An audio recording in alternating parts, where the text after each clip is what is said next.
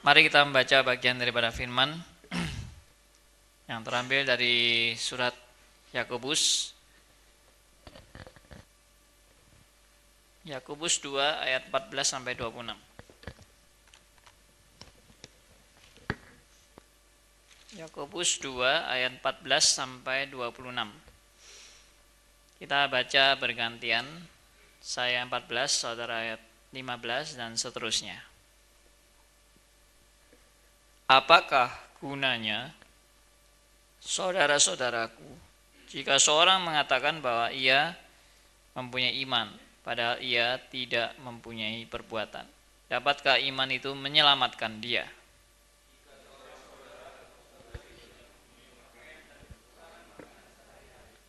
Dan seorang dari antara kamu berkata, "Selamat jalan, kenakanlah kain panas dan makanlah sampai kenyang." Tetapi ia tidak memberikan kepadanya apa yang perlu bagi tubuhnya. Apakah gunanya itu?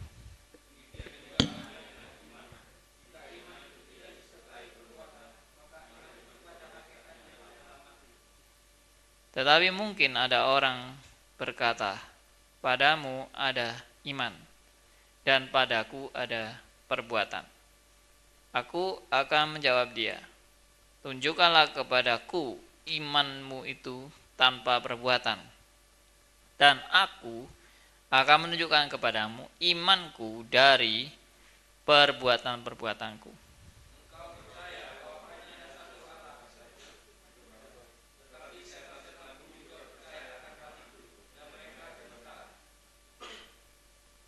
Hai manusia yang bebal, maukah engkau mengakui sekarang bahwa iman tanpa perbuatan adalah iman yang kosong?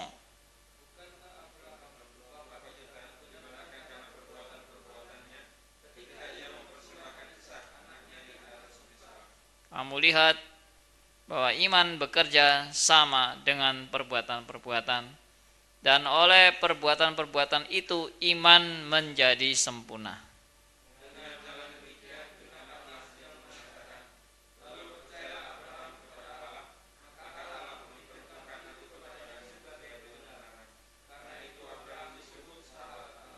Jadi kamu lihat bahwa manusia dibenarkan karena perbuatan-perbuatannya dan bukan hanya karena iman.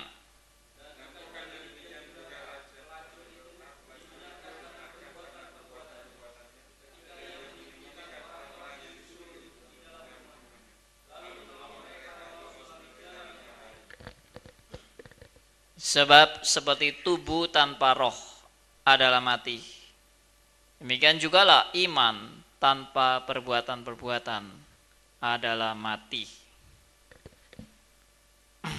Nah, ini ada satu pertanyaan yang berkaitan dengan seminar kali ini, yaitu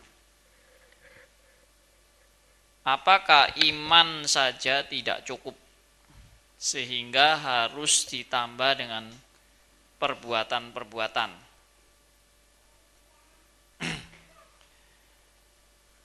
Nah, lalu ada pertanyaan lagi. Bagaimana seandainya ada orang yang beriman, tapi kemudian perbuatannya tidak menunjukkan atau tidak sesuai dengan imannya? Apakah orang ini bisa dibenarkan? Apakah orang ini bisa diselamatkan? Nah ini timbul pertanyaan. Jadi apakah perbuatan baik? Pertanyaan berikutnya, perbuatan baik menentukan keselamatan seseorang. Nah, kita sudah belajar banyak tentang iman reform yang menegaskan bagaimana keselamatan itu bisa terjadi dalam sudut pandang ajaran reform. Tetapi kitab Yakobus adalah kitab yang begitu menonjolkan perbuatan. Sehingga Martin Luther pernah mau menilai bahwa kitab Yakobus ini sebaiknya dibuang aja. Karena kitab ini kitab dianggap kitab sampah atau kitab yang nggak cocok dengan kitab-kitab yang lain yang menekankan iman saja. Tapi Yakobus jelas-jelas menekankan perbuatan. Nah, apakah kita mau menerima kitab Yakobus ini sebagai satu kitab yang benar-benar konsisten, yang sesuai dengan firman yang lain, atau seperti Martin Luther bilang, ini kitab sampah, ini kitab yang sebaiknya dibuang. Nah, kenyataannya nggak dibuang. Sehingga di dalam kekristenan ada dua aliran. Ada aliran yang hanya menekankan iman saja cukup. Tapi ada aliran yang mengatakan iman saja tidak cukup. Iman harus ditambah perbuatan, baru itu genap boleh merupakan hal yang sempurna. Nah sekarang saudara pandangannya bagaimana? Iman aja cukup atau enggak cukup? Hmm? Tidak cukup. Harus tambah perbuatan. Nah sekarang saya mau tanya. Kalau gitu Efesus 2 ayat 8 sampai 9 bagaimana? Coba dibaca. Efesus 2 ayat 8 sampai 9.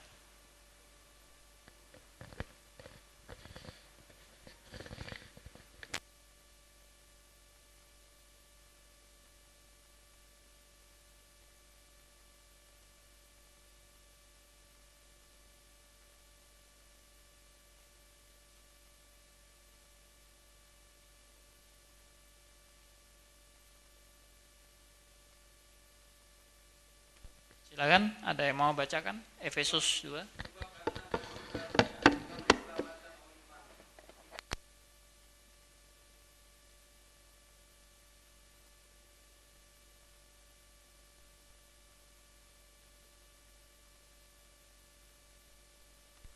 Ya,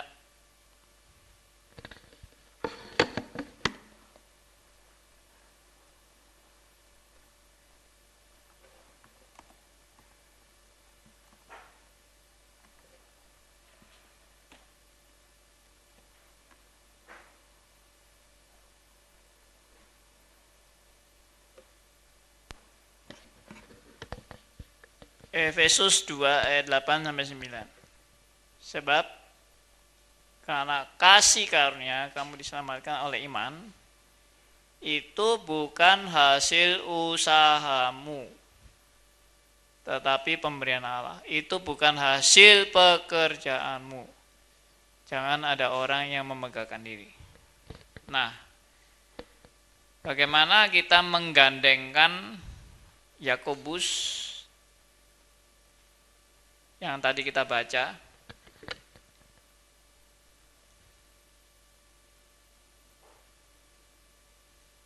Ini ya.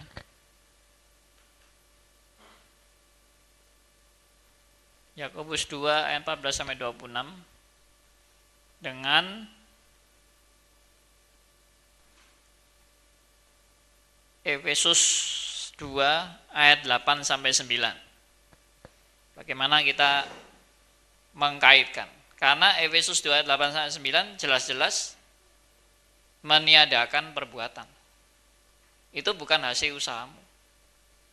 Itu bukan pekerjaanmu. Jangan ada yang memegahkan diri. Kamu diselamatkan hanya melalui iman. Tapi kalau Yakobus, Pak ya, terutama yang beberapa ayat yang sangat menonjol. Misalkan Yakobus 2 ayat 17.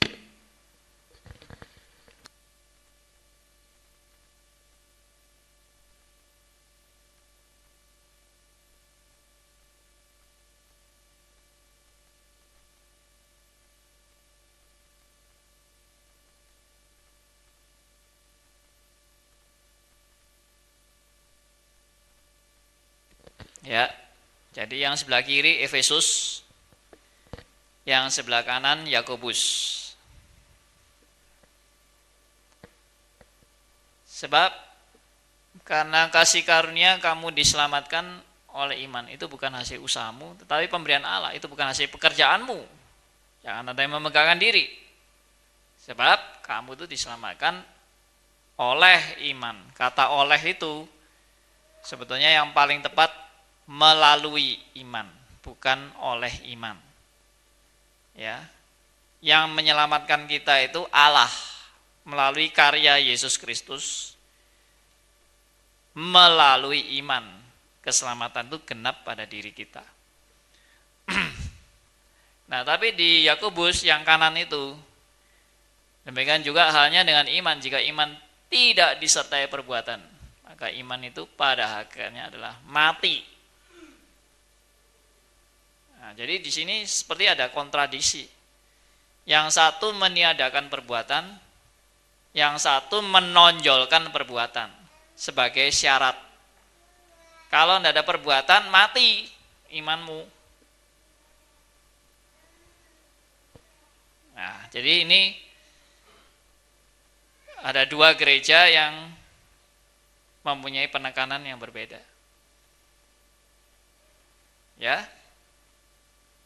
Ada tanggapan? Ini kiri dan kanan. Ya, langsung sudah berbeda toh.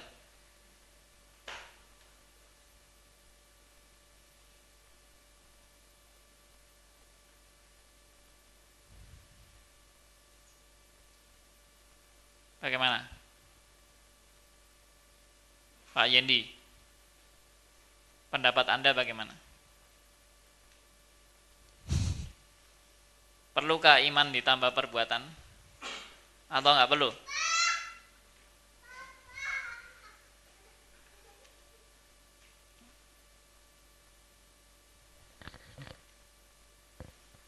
Rudi, Rudi.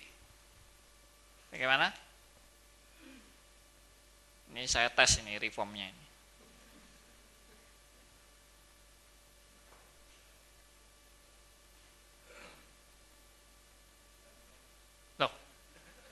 Pertanyaannya masih bingung.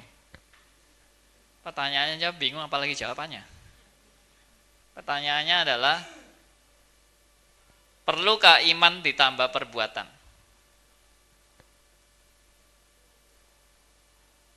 Hmm? Tidak. Kenapa tidak?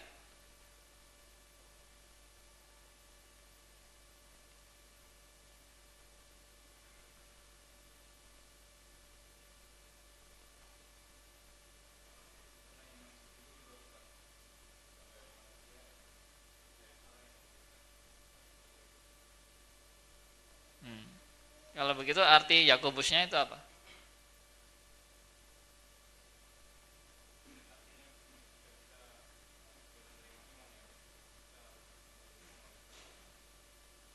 Hmm. Oke. Ada pendapat lain? Ya.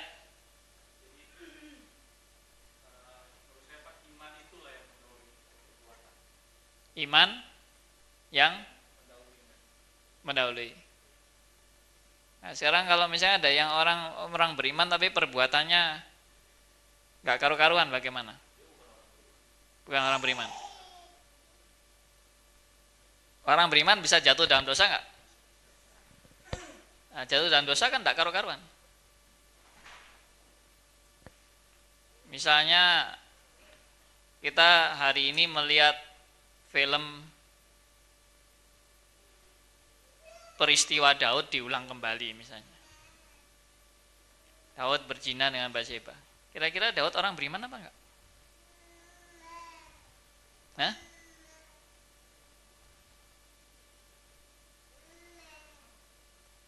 Beriman. Daud orang beriman apa enggak? Beriman loh. Jadi iman tapi kok perbuatannya nggak karu-karuan. Jatuh dalam dosa. Jadi bagaimana? iman dan perbuatan. Waktu itu Daud karena perbuatannya selamat enggak?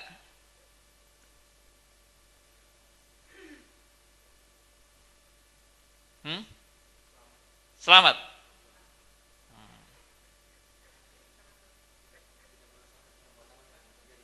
Tidak berdasarkan perbuatan.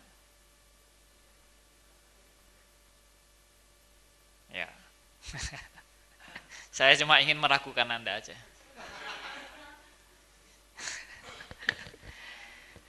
Oke. Sekarang kita bahas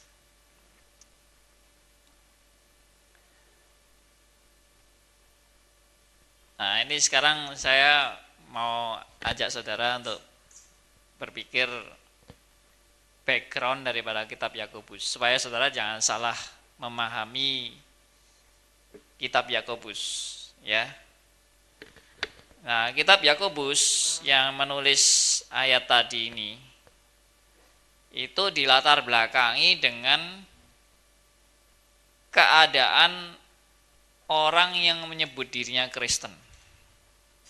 Perhatikan ya kata-kata saya, menyebut dirinya Kristen. Tapi perbuatannya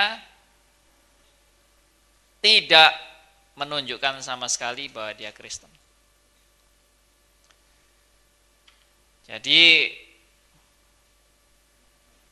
kata-katanya begitu rohani.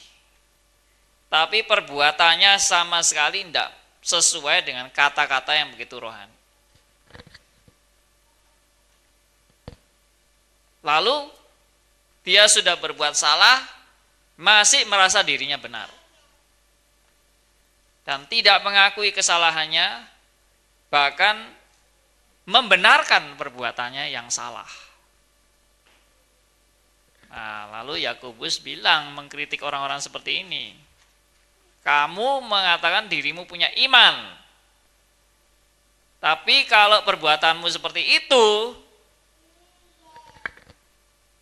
ya imanmu itu iman apa gitu kan. Itu yang dipertanyakan. Nah jadi kita harus menafsirkan kitab Yakobus bukan Yakobus mau menambah iman dengan perbuatan. Tapi Yakobus mau menunjukkan iman yang sejati itu pasti harus ada perbuatan yang sesuai dengan imannya. Jadi saya ulang ya. Yakobus bukan mau menambah iman dengan perbuatan. Tapi Yakobus mau mengingatkan iman yang sejati pasti melahirkan perbuatan yang sesuai dengan iman tersebut. Nah, tapi tadi saya kan sudah pancing dengan Daud. Kalau Daud orang beriman, kenapa bisa sampai berbuat yang seperti itu? Perjinahan yang begitu mengerikan. Tapi nanti saya kasih tahu bagaimana perbuatan Daud meskipun dia dalam perjinahan. Itu tidak berarti lalu dia waktu itu tidak beriman. Ya, saya lanjutkan. Jadi begini, menekankan perbuatan itu hal-hal yang bersifat praktis. Menekankan iman adalah hal yang bersifat prinsip. Sehingga antara hal praktis dan prinsip itu sering kali juga di dalam kekristenan menjadi hal yang bertentangan. Prinsip dan praktis. Seringkali juga di dalam uh, kehidupan sehari-hari antara prinsip dan praktis itu dipertentangkan juga. Prinsipnya memang begitu, praktisnya lain.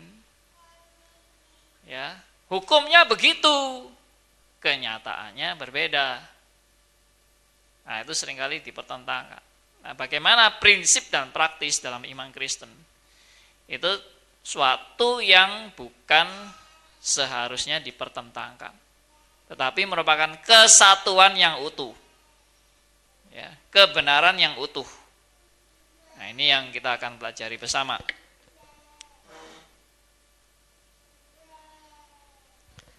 Manakah yang lebih utama, prinsip atau praktis? Nah, sekarang saya akan membahas hal-hal yang disukai orang yaitu hal praktis. Banyak orang pada zaman sekarang nggak suka hal prinsip, tetapi hal yang praktis. Kenapa? Karena hal yang praktis itu memang yang lebih mengena dalam kehidupan kita sehari-hari. Kalau hal prinsip terlalu tinggi dan terlalu muluk, tapi kalau praktis itu langsung mengena, langsung connect ya, langsung berkaitan dengan masalah kita itu praktis. Tapi kalau prinsip dianggap terlalu tinggi, oh ini dunia di awan-awan, atau ini dunia teoritis, ini tidak praktis. Ya, contohnya orang Kristen disuruh belajar firman, males. Ya. Tapi kalau disuruh mungkin aksi sosial mungkin banyak. Ya. Ayo kita rame-rame ada bencana alam membantu dan sebagainya. Banyak yang mau. Karena praktis. Ya. Nah kalau orang Kristen seperti ini hanya mementingkan hal-hal praktis itu yang saya tekankan itu menjadi pragmatisme.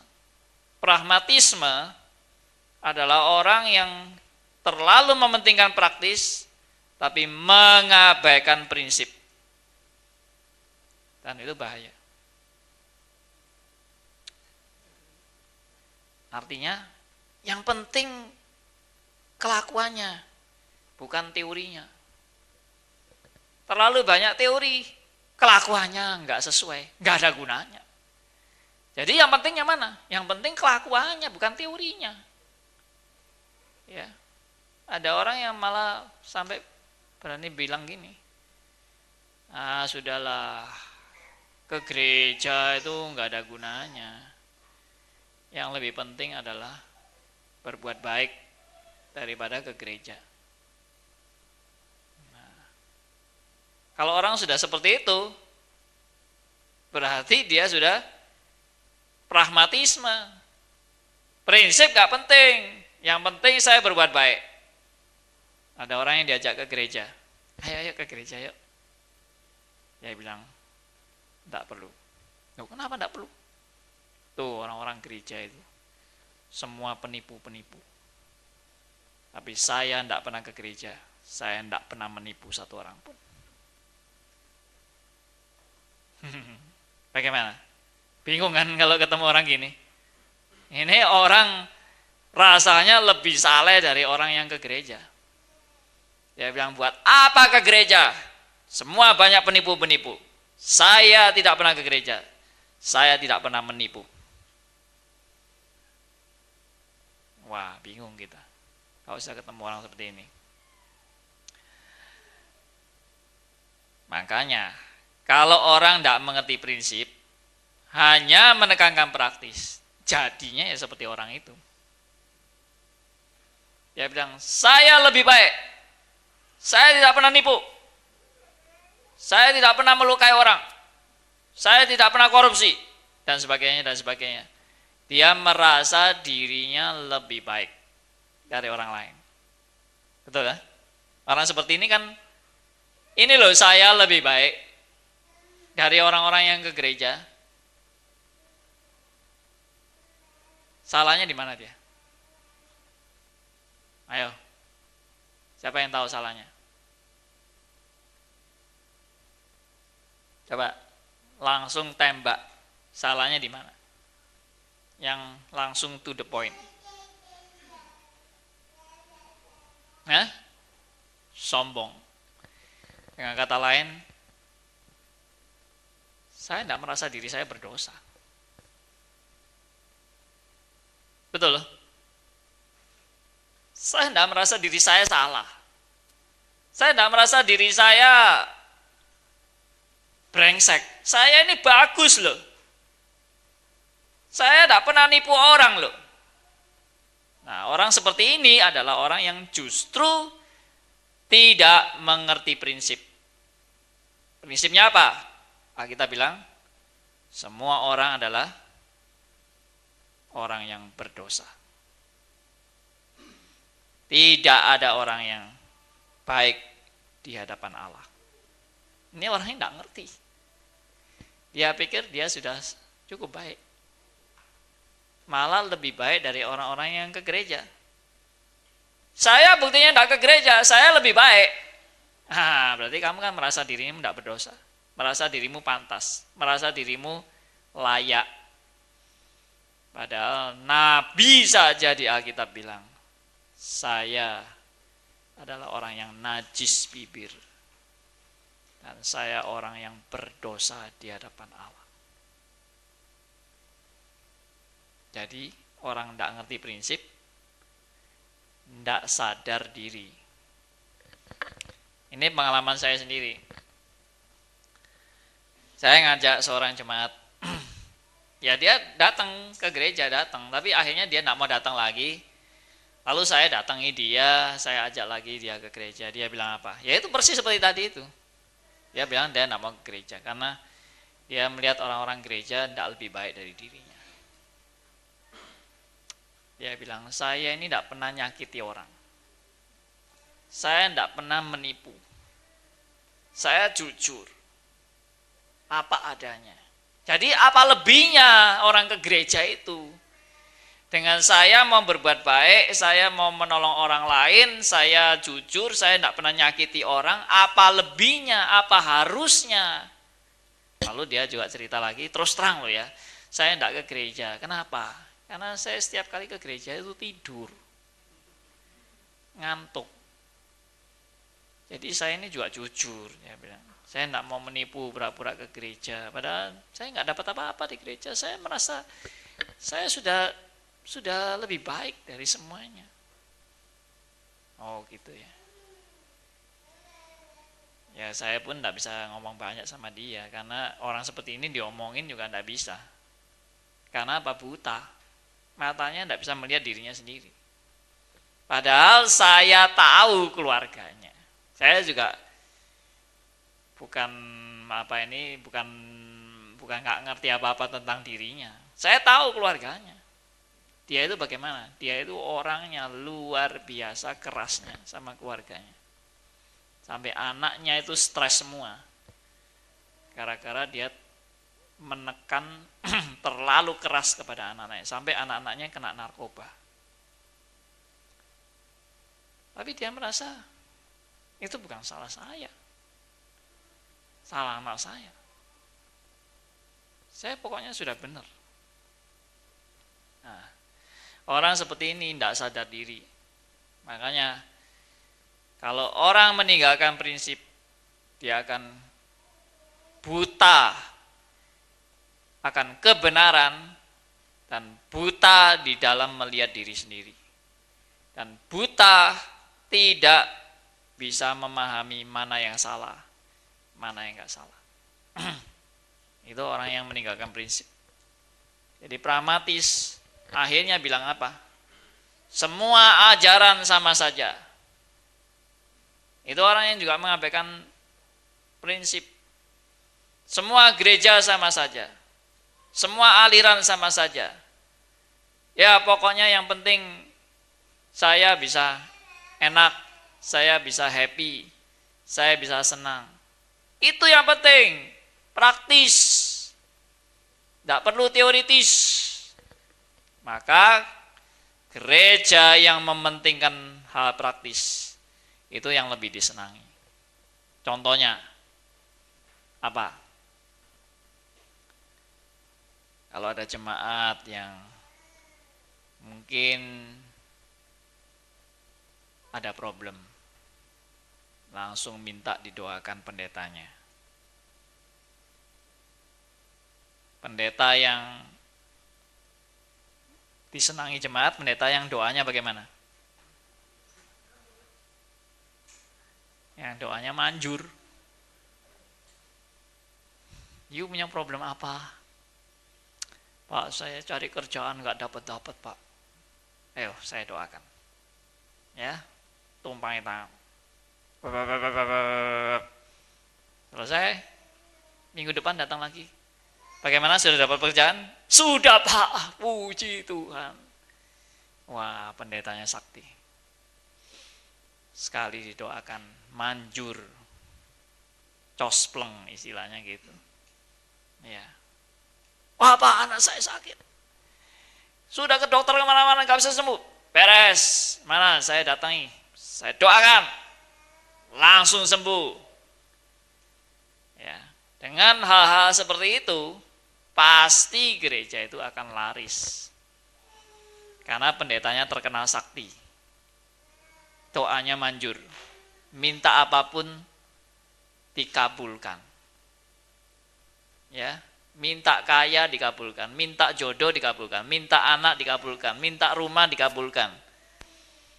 Ya, minta sembuh dari penyakit dikabulkan. Duh, kurang apa lagi? Ya, semua diikuti, semua dituruti. Pasti banyak orang senang. Tapi praktik prinsipnya bagaimana? Nggak peduli prinsipnya. Yang penting doaku dikabulkan. Itu yang saya butuhkan.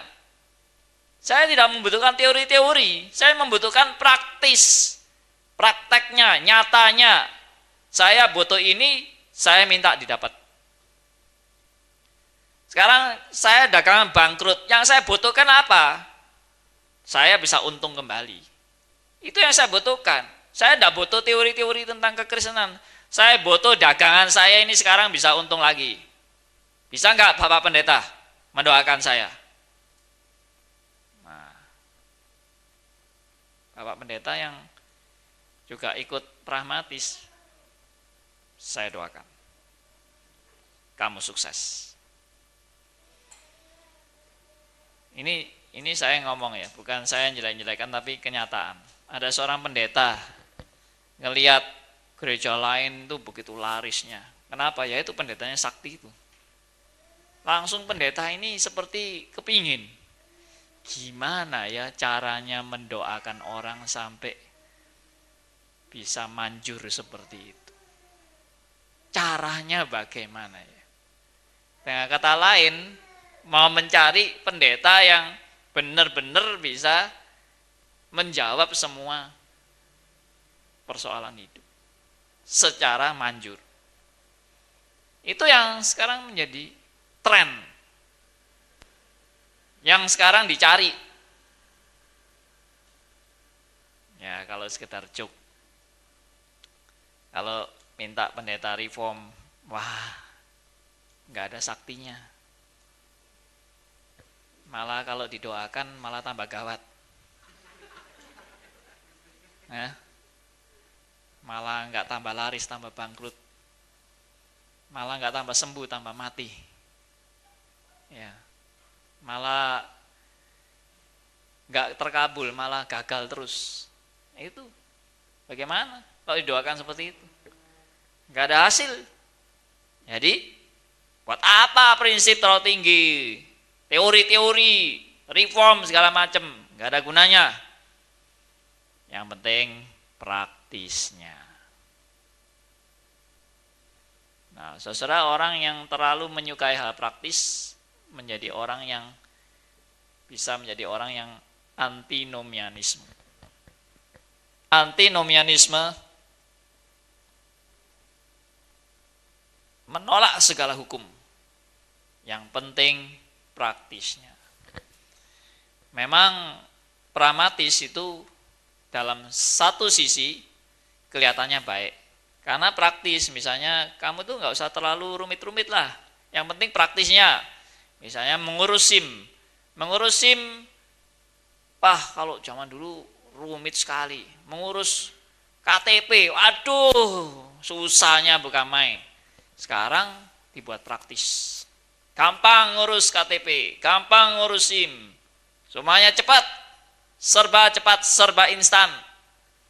Itu yang sekarang menyenangkan. Ya toh? Tetapi bahayanya kalau sampai meninggalkan prinsip. Dan lebih bahaya lagi kalau sampai mengabaikan hukum dan anti hukum. Pada zaman sekarang orang lebih menyukai kebebasan daripada hidup taat pada hukum. Freedom itu semboyan daripada banyak organisasi-organisasi anak muda yang menekankan bebas, kita hidup harus bebas.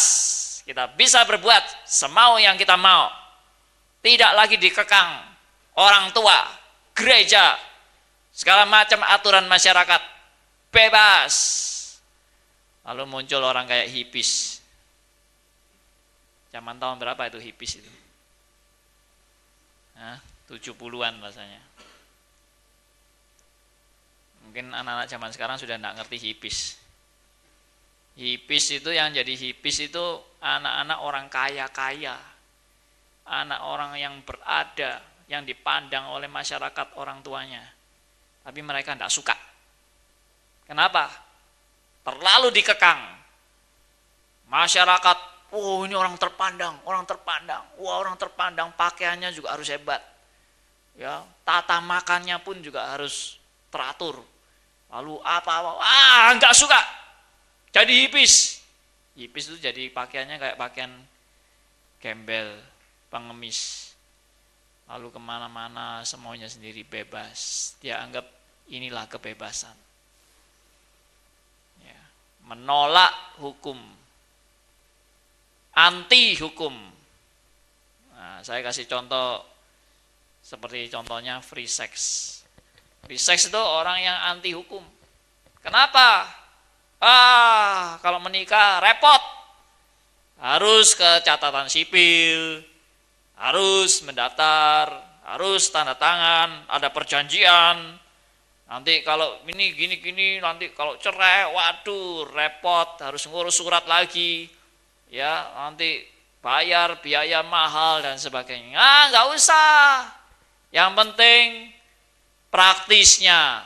Apa? Pokoknya kalau seneng sama seneng, Hah? mari kita samen leven alias kumpul kebu.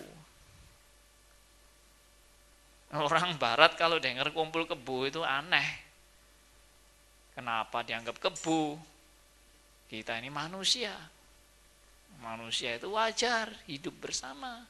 Kalau senang, kalau tidak senang, ya bisa lagi, selesai toh. Gak usah catatan sipil, gak usah ngurus urusan pemerintah segala macam. Nanti apa ini mau cerai, rebut lagi, urus surat lagi, gak usah. Yang penting senang. Oke, okay. you oke, okay, I oke, okay. ya toh. Mari, oke okay dan oke okay ketemu hidup serumah tanpa hukum apa-apa. Itu namanya antinomianisme. Menolak hukum. Sekarang juga banyak wanita di Amerika menuntut untuk punya hak abortus, menggugurkan kandungan. Kenapa? Ini punyaku sendiri, perutku sendiri, bayiku sendiri, aku pun punya hak menggugurkan kandungan. Kenapa nggak boleh? Pernah, pernah diteliti dalam statistik katanya tiap hari ada puluhan dan bahkan ratusan bayi digugurkan di Amerika. Karena free sex. Free sex semua bisa mengandung. Hanya mengandung, jalannya gampang toh. Gugurkan aja. Itu seperti itu. Akhirnya apa? Hukum ditolak. Abortus terjadi. Lalu ada homoseks ada lesbian, ada apa segala macam. Termasuk gereja pun dipengaruhi oleh antinomianisme. Karena di Jerman sudah muncul gereja homoseks. Itu yang terjadi. Ini semua orang yang menolak prinsip dan hanya menekankan praktis. Itu yang terjadi. Saya pada waktu di Jerman ada conference, kumpulan besar di satu danau. orang-orang sepeda motor apa bawa bendera, Banyak ratusan ribuan mungkin. Saya lalu tanya sama teman saya yang ngajak saya jalan-jalan terus ada rame-rame gitu. Ini apa ini? Ini adalah pertemuan kaum homoseks. Conference. Ribuan yang datang. Mereka dengan bangga memproklamirkan bahwa mereka adalah homoseks. Nggak malu. Itu yang terjadi. Saudara kira ya itu di Jerman, saudara bilang, oh di Indonesia enggak gitu. Siapa bilang? Saudara nggak tahu di Indonesia, enggak tahu di Kalimantan ada perkumpulan enggak? Saya pada waktu kira-kira 20 tahun yang lalu kira-kira. ya. Di universitas yang saya layani saya kemudian masuk perpus saya tuh dapat brosur diletakkan di meja perpus. Saya lihat brosurnya. Lalu judulnya rahasia anda terjamin. Jika anda membutuhkan kami silakan kontak. Lalu ada jaringan. Di Pulau Jawa Jakarta Jogja Semarang Surabaya di Bali di mana lagi, di mana lagi. Oh, mereka ternyata di jaringan. Ternyata apa itu? Homoseks. Jaringan homoseks. Di Indonesia. Di Surabaya. Ada toko dosen, dosen UNER. Dia sudah memproklamirkan diri di koran. Semua tahu. Ya, Dosen ini memamerkan dirinya, saya homoseks. Dosen, tidak dipecat. Kenapa? Karena dia tokoh masyarakat. Dia orang yang tampil dihargai oleh masyarakat. Dia dosen dihargai oleh mahasiswanya. Bayangkan, mahasiswa tahu dosennya homoseks, tetap diterima dan dihargai. Ini apa? Gejala apa ini? Gejala antinomianisme. Bahwa hukum sudah tidak diperlukan lagi. Bahkan si tokoh dosen ini bilang sendiri, saya homoseks. Pujuku, tahu pujuku? Hah? Ya, pujuku, pasanganku itu adalah laki-laki. Ya. Aku sudah tanya sama pendetaku dan pendetaku memperbolehkan. Aku punya bojo laki-laki.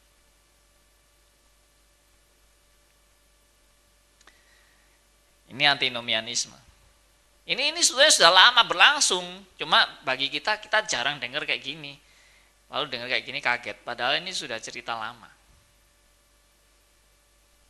pada kurang lebih yaitu sekitar 20 eh, tahun yang lalu juga saya di universitas itu saya mengadakan retreat mahasiswa mengundang pembicara seorang pendeta pendeta mahasiswa. Dia dari Belanda. Nah lalu diskusi diskusi diskusi sampai kepada masalah homoseks. Bagaimana orang Kristen menilai homoseks?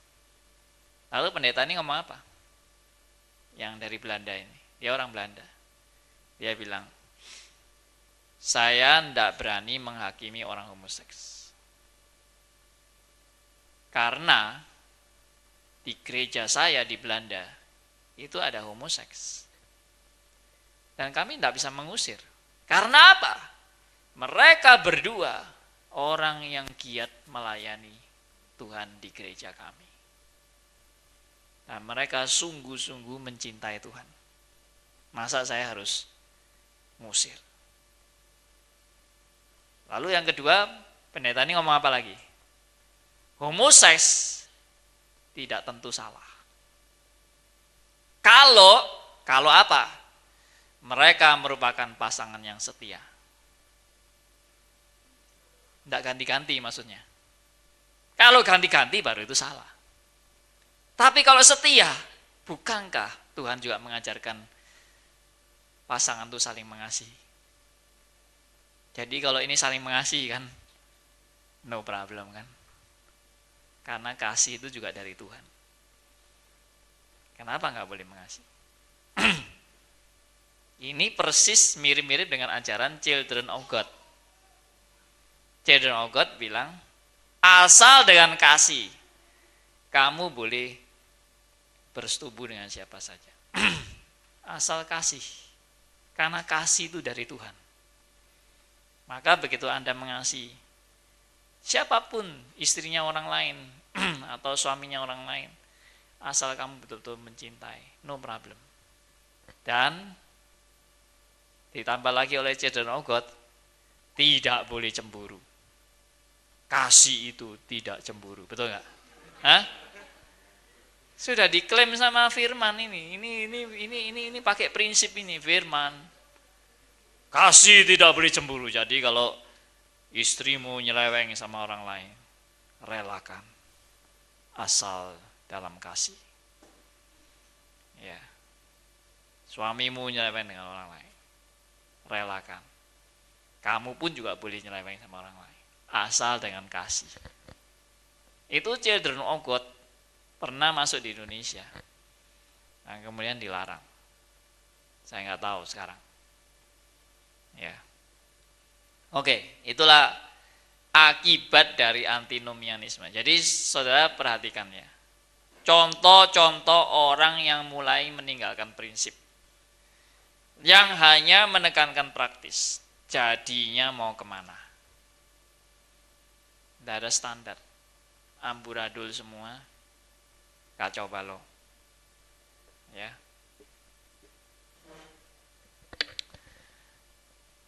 Berikutnya.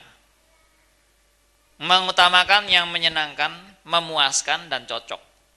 Jadi kalau ada orang tadi bilang, semua gereja sama saja. Semua agama juga sama saja. You mau agama apa pun, asal cocok sama seleramu. Dan menyenangkan kamu. Dan memuaskan. Oke, jalankan. Yang penting cocok, yang penting menyenangkan. Yang penting memuaskan kamu. Ya, saya pernah kasih koreksi seorang jemaat. Saya bilang, eh kamu itu bahasa roh itu keliru seperti itu. Alkitab bilang bahasa roh bukan begitu. Dia jawabannya apa? Tapi aku enjoy. Waktu aku bahasa roh, aku menikmati kebahagiaan. Aku begitu menyenang, menyenangi roh. Suasana bahasa roh itu membuat aku terangkat seperti di awan-awan. Ya, masa nggak boleh menikmati gitu? Itu kan suasana surgawi itu. Kalau bisa awan-awan di awan-awan. Hah? Jadi yang penting apa? Bukan salah atau tidak salah, yang penting saya menikmati. Saya enjoy. Enjoy, enjoy aja. Ya, iklan loh. Iklan apa? Enjoy, enjoy aja. Hah? LE. zaman sekarang zaman enjoy, enjoy aja. Enggak usah pusing. You mau apa saja silakan, yang penting enjoy. Termasuk orang bergereja pun mikirnya gitu. Yang penting enjoy. Ya.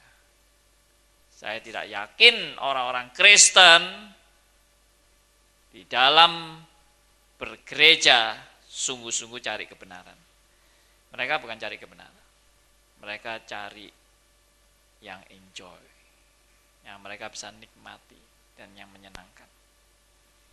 Ya tentu tidak semua, tapi cukup banyak. Orang Kristen yang disuruh menderita, sama orang Kristen yang disuruh cari yang menyenangkan. Banyak yang mana?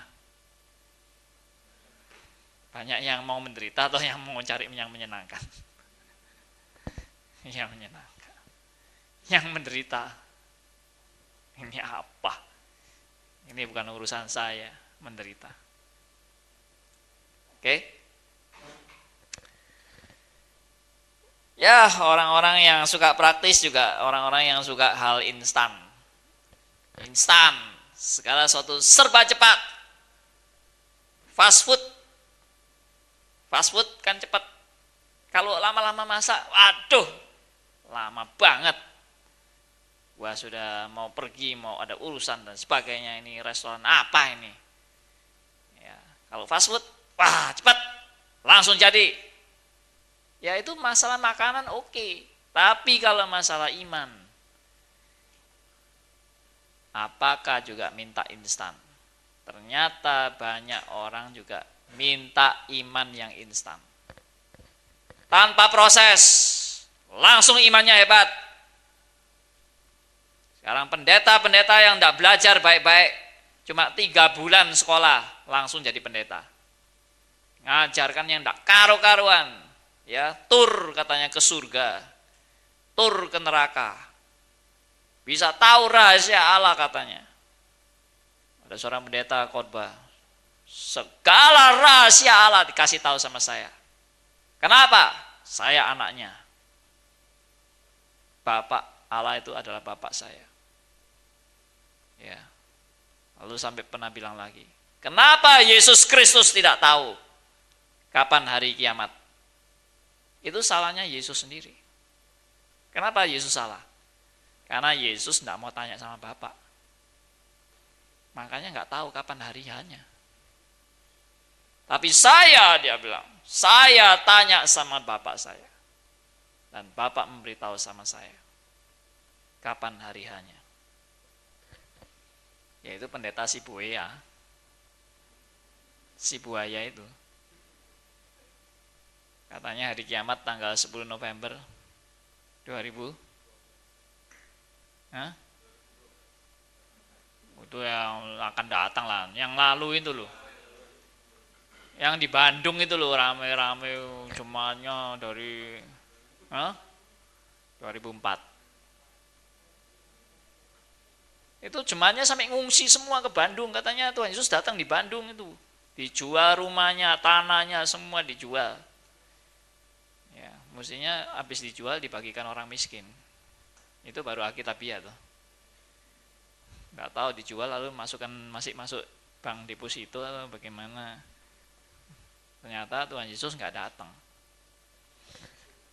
polisi yang datang. Setelah dia diwawancarai sama wartawan, Pak, Bapak dengar sendiri Yesus berkata mau datang. Iya, saya dengar sendiri. Tapi kenapa kenyataannya kok tidak datang, Pak? Gara-gara polisi. Makanya Tuhan Yesus nggak datang. Kalau polisi tidak datang, pasti Yesus datang. Itu omongan pendeta dari mana? Kayak gitu masih dianggap pendeta. Lalu orang yang suka hal praktis itu hanya menekankan fenomena, fenomena, fenomena. Sekarang zamannya fenomena. Fenomena itu apa yang nampak secara lahiriah. Yang nampak secara kasat mata, dilihat. Wah hebat, ini pendeta hebat. Kenapa? Fenomenanya luar biasa. Bisa membuat orang geblak, itu fenomena. Tumpangi tangan. Des! Blak blak blak blak blak. Ya toh. Tidak usah tumpangi tangan. Jarak jauh. Wut! Langsung jatuh semua. Hebat. Ini fenomena. Ya. Lalu langsung praktek kesembuhan. Tumpangi tangan. Muntah muntah. Ya toh. Tumpangi tangan. Langsung kankernya. Brak keluar dari perutnya. Fenomenal. Suka kan kayak gitu? Makanya saya bilang, zaman sekarang kalau mau buka gereja laris, gampang. Bikin yang fenomenal. Ya, Elvis suruh ngundang Ponari. Tahu Ponari? Tahu dong? Suruh ngundang ke sini. Yuk buka itu spanduk di depan. Pasti sembuh, dijamin. Nanti yang datang ke sini sudah nggak cukup ruangannya. Itu kalau mau buka gereja laris. Fenomenal. Itu yang dicari. Pendeta-pendeta yang merasa, aduh aku nggak laku ini. Gerejaku kok sepi. Bagaimana caranya aku bisa membuat fenomena-fenomena yang membuat jemaatku terkagum-kagum dengan yang saya lakukan. Itu yang sekarang menjadi tren. Pendeta jadi minder loh. Kalau jemaatnya nggak tambah-tambah banyak. Ini gimana ya caranya supaya tambah banyaknya? Caranya gimana ya? Wah, doaku harus sakti. Bagaimana doa sakti? Wah, cari ilmu. Bagaimana bisa membuat fenomenal, membuat tumpang tangan langsung geblak? Ya, yang akhirnya tidak punya kekuatan bisa geblakan orang didorong-dorong malah ya. Hah? Ayo berdiri, berdiri, berdiri, berdiri. Mm, mm, mm. Jangan mengeraskan hati. Nah, kalau tidak mau geblak mengeraskan hati katanya. Itu pendeta yang kurang sakti. Kalau pendeta yang sakti, jarak jauh. Langsung buat jatuh semua. Ini sakti ini. Ya, sekarang terjadi seperti itu. Pendeta berlomba-lomba untuk menjadi sakti. Fenomenal. Dan sekarang yang fenomenal agak nggak terlalu aneh-aneh adalah fenomenal pria sejati. Ya, pria sejati kenapa saya sebut fenomenal? Ya karena dipamerkan. Sekarang yang namanya pria sejati itu apa? Pria yang berani mengaku dosa berselingkuh kepada istrinya. Ya. Lalu karena ada orang bilang, "Loh itu kan bagus toh." Mengaku dosa itu kan sesuatu yang baik. Ya, tapi tidak baiknya di mana? Tidak benernya di mana? Yang tidak benernya adalah mengaku dosa itu seharusnya pribadi dan juga kepada Tuhan pribadi. Tapi ini mengaku dosa yang dipamerkan. Saya sudah berdosa. Dan saya sekarang jadi pria sejati. Kenapa? Karena saya berani mengaku dosa kepada istri saya. Uh, dipamerkan. Lalu itu jadi kebanggaan. Orang ngaku dosa malah bangga. Mestinya malu tuh. Hah? Malu nggak? Nggak malu ini malah bangga. Malah jadi dipasang merek pria sejati. Jadi yang tidak ngaku-ngaku dosa ini kurang sejati ya. Akhirnya yang tidak berbuat dosa pun mau ngaku dosa. Karena kalau belum ngaku belum sejati kamu prianya. Eh? Jadi semua berlomba-lomba ngaku dosa. Wah, lalu bisa kesaksian, saudara-saudara. Dulu saya itu suka berzina diam-diam. Ya, tapi setelah saya ikut Tuhan, saya mengaku, wah, langsung semua orang, wah, tepuk tangan. Inilah pria sejati. Apa itu? Fenomenal. Nampak hebat, nampak bagus, dipamerkan, kebanggaan. Itu buat apa? Kalau orang memang berdosa, dia memang mengaku di hadapan Tuhan dan dia mau diperbaiki oleh Tuhan secara pribadi, tidak usah dipamer-pamerkan begitu. Lalu menjadi tren. Ini sekarang menjadi tren pria sejati. Jadi kalau gitu selama manusia hidup dari dulu sampai sekarang. Tidak ada pria sejati. Pria sejati baru muncul tahun 2000 berapa ini? 2008 atau 2009. Hah? Jadi selama ribuan tahun yang lalu tidak ada ya pria sejati. Eh, baru muncul sekarang ini pria sejati. Itu fenomenal. Toronto Blessing. Ya toh? Wah, tujuh jam ketawa tidak berhenti. Ya toh? Fenomenal. Wow, ini roh kudus bekerja. Semua ketawa, ketawa, ketawa, ketawa, ketawa, tidak berhenti. Sampai gulung, gulung, gulung, gulung di bawah. Ya, tidak bisa ngerem ketawanya. Fenomenal. Ini yang dicari. Kalau tidak ada fenomenal, nggak laku gerejanya. Nah, saudara-saudara, ini semua yang terjadi. Kita harus hati-hati. Antara yang prinsip dan yang praktis. Oke. Berikut. Manakah yang lebih utama? Iman atau perbuatan? Nah, ini kita kembali kepada topik. Tadi prinsip dan praktis. Oke, berikut Nah, sering kali gereja meresponi dengan keliru, yaitu iman harus ditambah perbuatan baru sempurna. Ini adalah ajaran yang sesat. Itu yang saya bilang. Kelihatannya benar, tapi keliru. Kenapa? Kalau iman ditambah perbuatan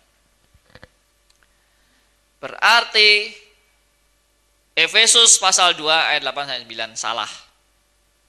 Karena Efesus sendiri mengatakan, iman saja cukup untuk membawa kamu datang kepada keselamatan. Bukan melalui perbuatan baikmu, bukan melalui jasamu.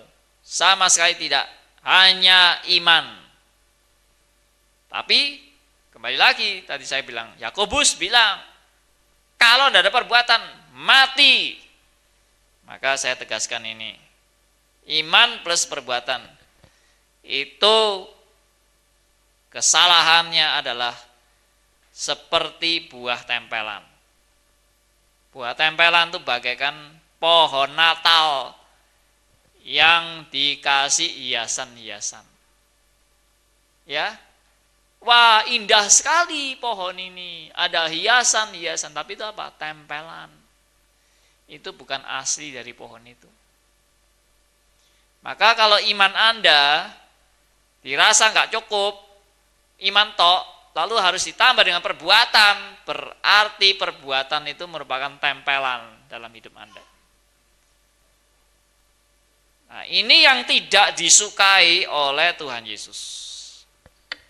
Dan ini mirip ajaran dari orang Farisi dan elit Taurat yang mengajarkan bahwa harus ada perbuatan-perbuatan yang akan menjamin kamu masuk surga. Makanya dalam ahli Taurat itu ditambah aturan-aturan Taurat. Misalnya, kuduskanlah hari sabat. Bagaimana aturannya? Aturannya tidak boleh berjalan lebih dari 300 meter. Jadi kalau Anda tak berjalan lebih dari 300 meter. Wah, saya sudah orang taat. Saya sudah pantas masuk surga. Kamu harus mentaati Taurat. Apa itu mentaati Taurat? Kasih persepuluhan. Wah, dengan saya kasih persepuluhan, saya dijamin pasti masuk surga. Itu Taurat. Makanya Tuhan Yesus bilang, orang yang menekankan perbuatan-perbuatan tempelan ini untuk menjadi syarat dia bisa masuk surga.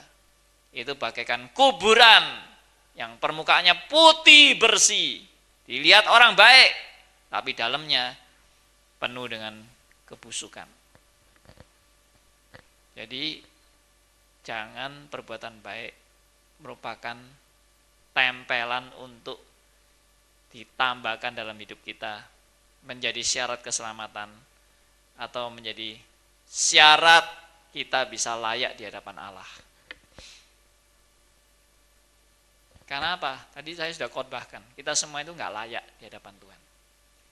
Tidak ada yang layak. Apalagi ditempeli perbuatan. Tuhan Yesus bilang, tambah kayak kuburan. Permukaannya putih bersih. Dalamnya penuh kotoran. Ya, jadi bukan iman tambah perbuatan.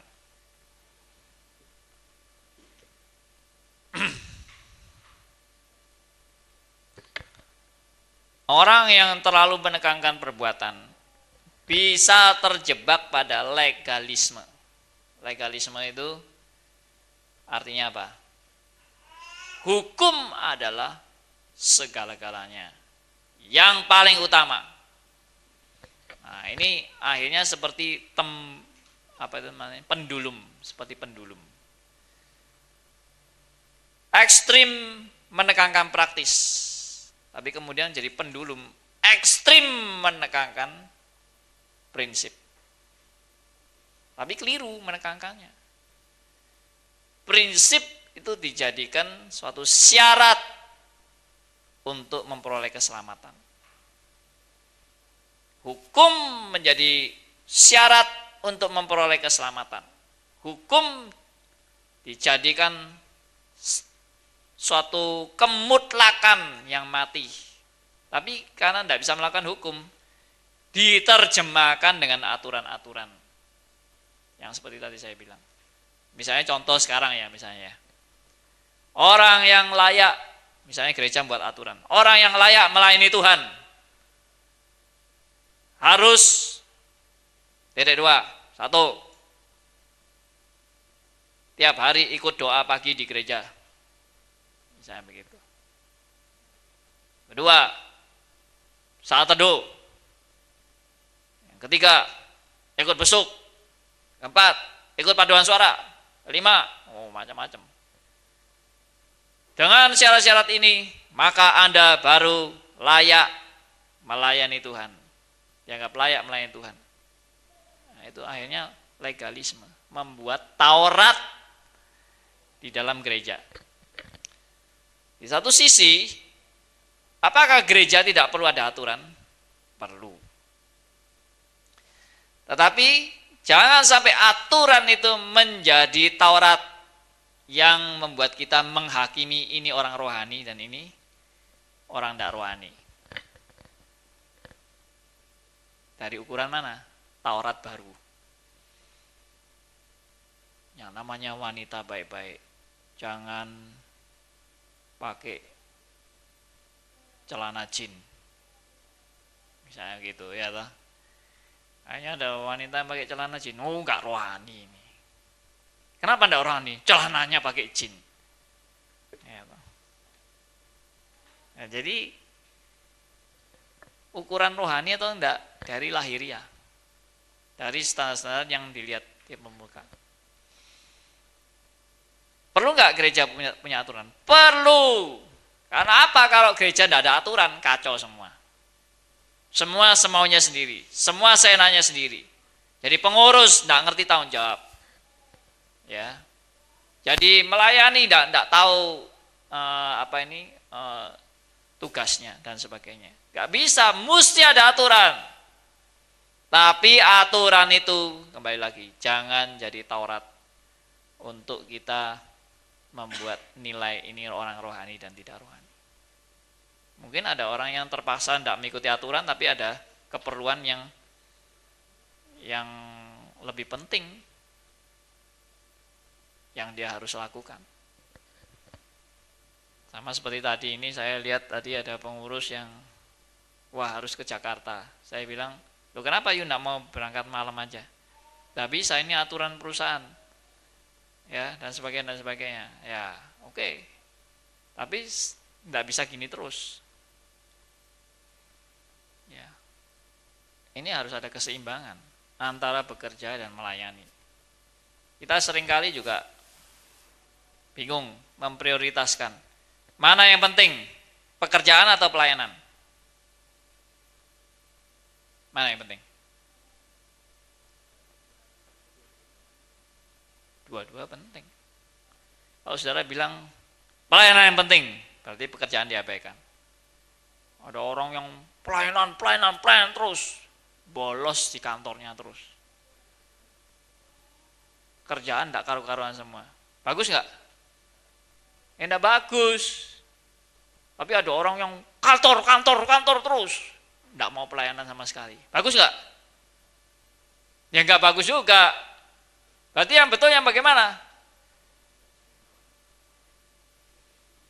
Bukan seimbang. Yang betul adalah semua prioritas. Tapi tinggal bagaimana kita pandai-pandai memanage waktu. Itu masalah manajemen waktu. Kalau saya misalnya meninggalkan kantor saya kerja, saya mau pelayanan, saya harus menyelesaikan tugas saya dulu. Tugas selesai, saya kerjakan pelayanan. Kalau saya masih ada utang di kantor yang bisa saya tunda, saya tunda. Nanti setelah saya pelayanan, saya kembali ke kantor, saya kerjakan yang saya harus selesaikan. Itu baru namanya bertanggung jawab. Jangan terus pelayanan, pekerjaan kantor terbengkalai semua. Atau pekerjaan kantor, pekerjaan pelayanan terbengkalai semua. Tidak bisa. Semua adalah prioritas dan kita harus lakukan dengan bertanggung jawab. Oke, terus. Jadi kita bukan legalisme. Legalisme itu terlalu kaku mengikuti hukum yang tidak seharusnya diikuti. Contoh gini ya, legalisme. Uh, masalah tadi abortus. Abortus itu pasti nggak boleh. Karena abortus sama dengan pembunuhan. Tapi sekarang terjadi kasus Seorang ibu hamil pendarahan hebat. Karena ternyata janinnya tumbuh di luar kandungan. Akhirnya kalau dibiarkan terus, ibunya bisa mati. Lalu bagaimana ini? Dokter bilang, jalan satu-satunya harus pengguguran. Nah, kalau orang legalisme, dia bilang apa? Tidak boleh pengguguran. Loh nanti ibunya mati. Mati dan hidup di tangan Tuhan. Pokoknya tidak boleh pengguguran. Pengguguran adalah pembunuhan. Ini legalisme. Mentaati hukum secara berlebihan melewati apa yang justru seharusnya. Kalau begitu pengguguran boleh? Sebetulnya nggak boleh. Tapi tidak ada jalan keluar lain. Kalau saya tidak melakukan pengguguran, saya juga membiarkan ibunya terbunuh. Yang sebetulnya saya diberi kemampuan untuk menyelamatkan ibunya. Ya memang kalau suruh milih misalnya, ini bisa dua dipilih. Mau menyelamatkan bayinya atau menyelamatkan ibunya. Yang dipilih yang mana? Kalau saudara seorang suami ditanya, saudara mau menyelamatkan yang mana? Bayinya atau ibunya? Saya pilih bayinya aja. Wah ini ada yang something wrong ya gitu. Jadi terpaksa harus dipilih di dalam pilihan-pilihan yang memang tidak sempurna. Ini masalah etika. Jadi legalisme terlalu kaku sampai tidak ada lagi fleksibilitas. Tapi fleksibilitas tidak lalu melanggar prinsip. Itu itu semua itu kita harus lihat dalam porsi yang tepat. Ya, makanya menjalankan iman Kristen itu tidak mudah. Harus belajar baik-baik. Saya kasih contoh lain ya. Ini supaya saudara mengerti. Pernah terjadi satu ujian di satu universitas. Ya. ujiannya itu aturannya terlambat lebih dari 20 menit tidak bisa masuk ujian. Tidak boleh mengerjakan ujian. Nah, itu aturannya kan? Sudah. Jalankan. Nah, lalu terjadi sungguh ada mahasiswa yang terlambat. Terlambat 25 menit. Itu 20 menit lebih sudah tidak bisa masuk. Ini terlambat 25 menit. Lalu tanya, uh, sudah you tidak bisa masuk lalu saya mengasih penjelasan loh pak saya ini dari Jakarta ke Surabaya saya naik kereta api jadwalnya mestinya jam 4 pagi sudah datang tapi kereta api tertunda tertunda tertunda sampai saya akhirnya lari-lari dengan cepat ke sini dan terlambat 5 menit pak. Tolong pak. Kasihani saya. Ini saya dari Jakarta ikut ujian khusus. Minta izin sama kantor saya. Penjaganya bilang apa? Tidak mau tahu. Itu risikomu sendiri pokoknya 20 menit tidak bisa masuk. Nah sekarang saya mau tanya. Bagus nggak itu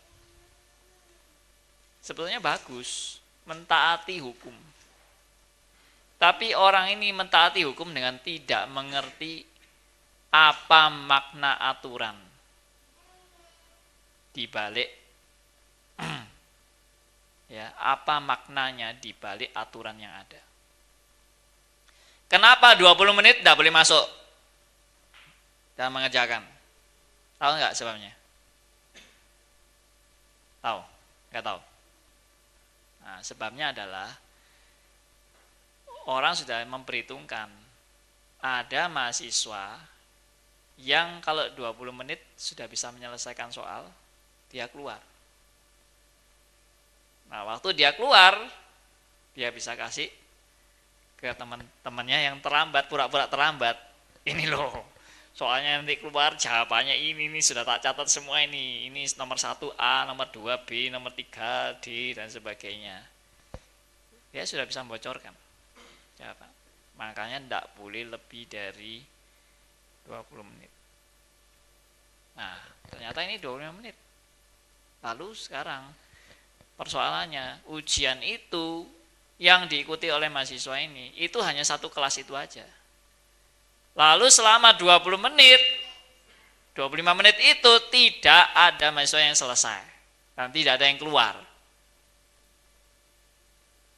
Ya loh, berarti kan it's okay kan? Kenapa? Kok tetap nggak boleh? Peraturan itu sebenarnya jangan membuat kita jadi mati dan kaku.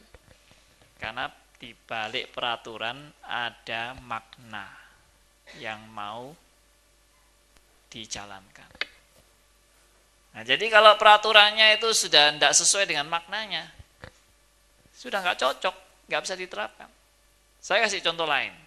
Di Alkitab ada aturan. Perempuan yang masuk tempat ibadah harus pakai tudung kepala alias jilbab. Karena saya mau tanya, saudara kok ke gereja pakai tudung kepala enggak? Hah? Tidak, padahal Alkitab bilang harus. Berarti Anda semua ini melanggar Alkitab ya perempuan-perempuan ini. Karena mestinya semua pakai tudung kepala. Itu Alkitab loh. Kenapa kok kita melanggar? Lalu ada yang bilang, wah kalau begitu Pak kita reform, kita harus pakai tudung kepala ya. Karena kita mau kembali ke Alkitab. Alkitab bilang perempuan harus pakai tudung kepala. Mari kita pakai tudung kepala semua. Salah, kenapa? Karena aturan itu ada latar belakangnya. Kenapa perempuan harus pakai tudung kepala? Karena pada waktu itu namanya perempuan baik-baik harus pakai tudung kepala. Tapi perempuan yang tudung kepalanya dibuka, rambutnya diurai-urai, itu pada waktu itu identik dengan seorang pelacur. Makanya Paulus bilang, eh, eh meskipun kamu bebas dalam Kristus, jangan kamu bebas. Lalu tudung kepala dibuka lalu rambut diure-ure nanti orang akan kaget. Shock semua. Lu pelacur-pelacur kok masuk gereja Paulus bilang pakai tudung kepala. Itu konteks pada waktu itu. Tapi sekarang di zaman kita lu kita perlu pakai nggak itu? Nggak perlu. Tapi mungkin kalau anda di Arab perlu. Mungkin. Karena budaya di sana perempuan baik-baik harus pakai tudung kepala. Hah? Banyak debu. Debu dan panas. Ya. Tapi konteks Paulus bilang bukan karena alam. Karena jadi batu sandungan. Berikut. Apa yang dimaksud dengan perbuatan? Banyak orang yang juga menganggap yang penting perbuatan-perbuatan tapi yang dimaksud Alkitab juga dengan perbuatan menurut Yakobus itu perbuatan apa? Nah, lalu itu yang tadi saya bilang. Perbuatan yang di ditempelkan. Itu namanya moralisme. Pada zaman sekarang kekristenan juga banyak terjebak pada moralisme. Di satu sisi tadi saya bilang, Kristen pragmatis yang sebebas-bebasnya, hukum diabaikan. Tapi ada Kristen sekarang gaya legalisme dan gaya moralisme yang membuat hukum-hukum hidup suci itu bagaimana. Akhirnya jadi menimbulkan ahli-ahli Taurat baru pada zaman ini yang sok suci dan sok saleh dan menghakimi orang-orang berdosa dengan begitu merasa dirinya paling baik dan paling benar. Itu juga mengerikan. Di satu sisi gereja yang tadi homoseks sembarangan itu mengerikan. Di satu sisi gereja yang membuat tembok-tembok moral seolah-olah ini kumpulan orang suci saja. Dan orang berdosa tidak layak itu juga mengerikan. Perhatikan ini ya, ini dua ekstrim. Satunya mengabaikan moral. Satunya mendewakan moral. Ini Alkitab bilang semua salah. Tapi di gereja kita pasti enggak yang model amoral. Di gereja konteks Indonesia banyak yang moralisme. Yang mendewa-dewakan kesucian menjadi syarat untuk mau melayani. Itu yang tadi saya bilang di dalam khotbah saya. Semua karena anugerah Tuhan. Aku boleh melayani. Tapi banyak orang sekarang merasa, oh itu karena saya suci, saya layak melayani. Karena saya menjaga hidup kudus. Saya orang yang cocok untuk pelayanan. Karena karya kekudusan dan kehebatan diri saya. Oke? Itu moralisme. Itu bahaya besar. Lalu terjebak pada perfeksionisme. Hidup harus sempurna baru bisa diterima Allah. Hidup harus tanpa cacat. Baru Tuhan akan menyertai dan merestui dan menerima kita. Itu perfeksionisme. Lalu ini semua juga ajaran Arminianisme. Arminianisme perbuatan baik menentukan keselamatan. Kalau Anda tidak sempurna, Anda tidak bisa mencapai keselamatan. Kalau Anda tidak berbuat baik, Anda tidak setia, Anda gagal di tengah jalan. Itu Arminianisme. Ya. Saya terus supaya cepat. Holiness, kalau kita lihat sejarah, Arminianisme diikuti oleh gerakan yang namanya holiness. holiness, gerakan kesucian. Hidup harus suci dan bersih tanpa dosa.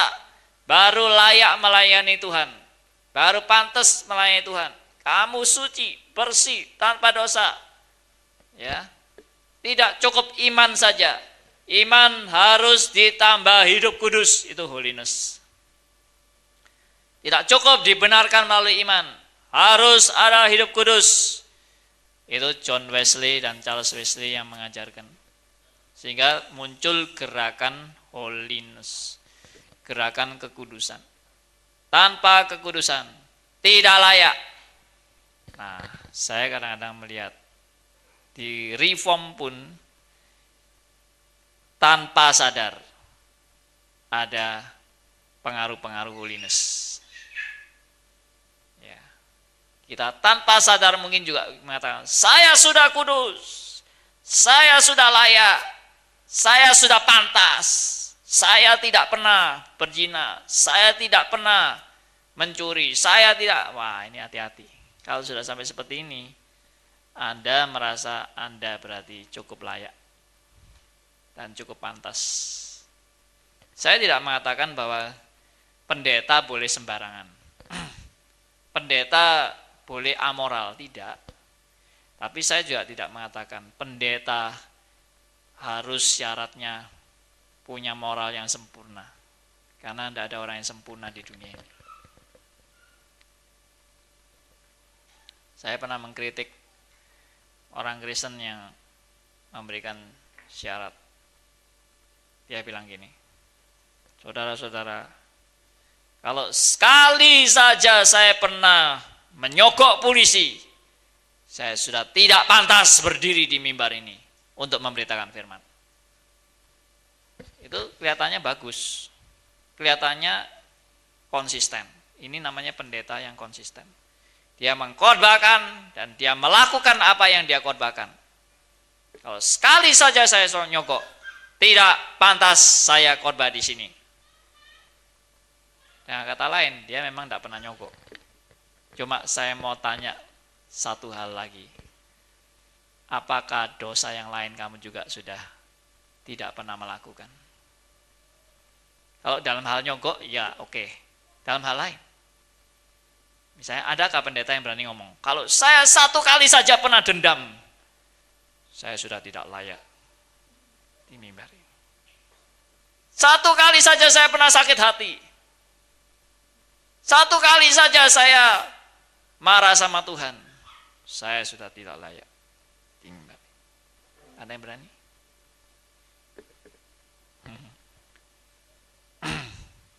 Makanya tadi di di mobil ada diskusi, ya toh. Pak kalau bunuh diri masuk surga atau neraka? Saya bilang, ya nggak tahu. Bisa masuk surga, bisa masuk neraka, tergantung ini anak Tuhan atau tidak. Loh kalau anak Tuhan, saya bilang kalau anak Tuhan ya pasti masuk surga. Loh bunuh diri. Bunuh diri, bagaimana masa bisa bunuh diri masuk surga? Saya bilang, kalau bunuh diri membuat orang masuk neraka. Saya mau tanya, kalau berzina membuat orang masuk neraka enggak? Berzina, yang masuk neraka. Kalau mencuri, neraka. Kalau berbohong, neraka. Lalu mungkin tanya, ya berapa kali dulu pak? Kalau berzina satu kali ya masih lumayan lah, bisa diampuni. Kalau lima kali? Lima kali, hmm, agak sulit, agak sulit. Seratus kali, wah seratus kali sudah pasti tidak selamat. Nah, antara seratus sampai lima, kira-kira mana yang sampai batas selamat tidak selamat? Nah, bingung. Akhirnya hitung-hitungan. Oh ya, saya satu kali berzina masih lumayan, bisa selamat ya tuh. Dua kali ya, selamat, selamat. Lima kali oh, masih lumayan diperhitungkan.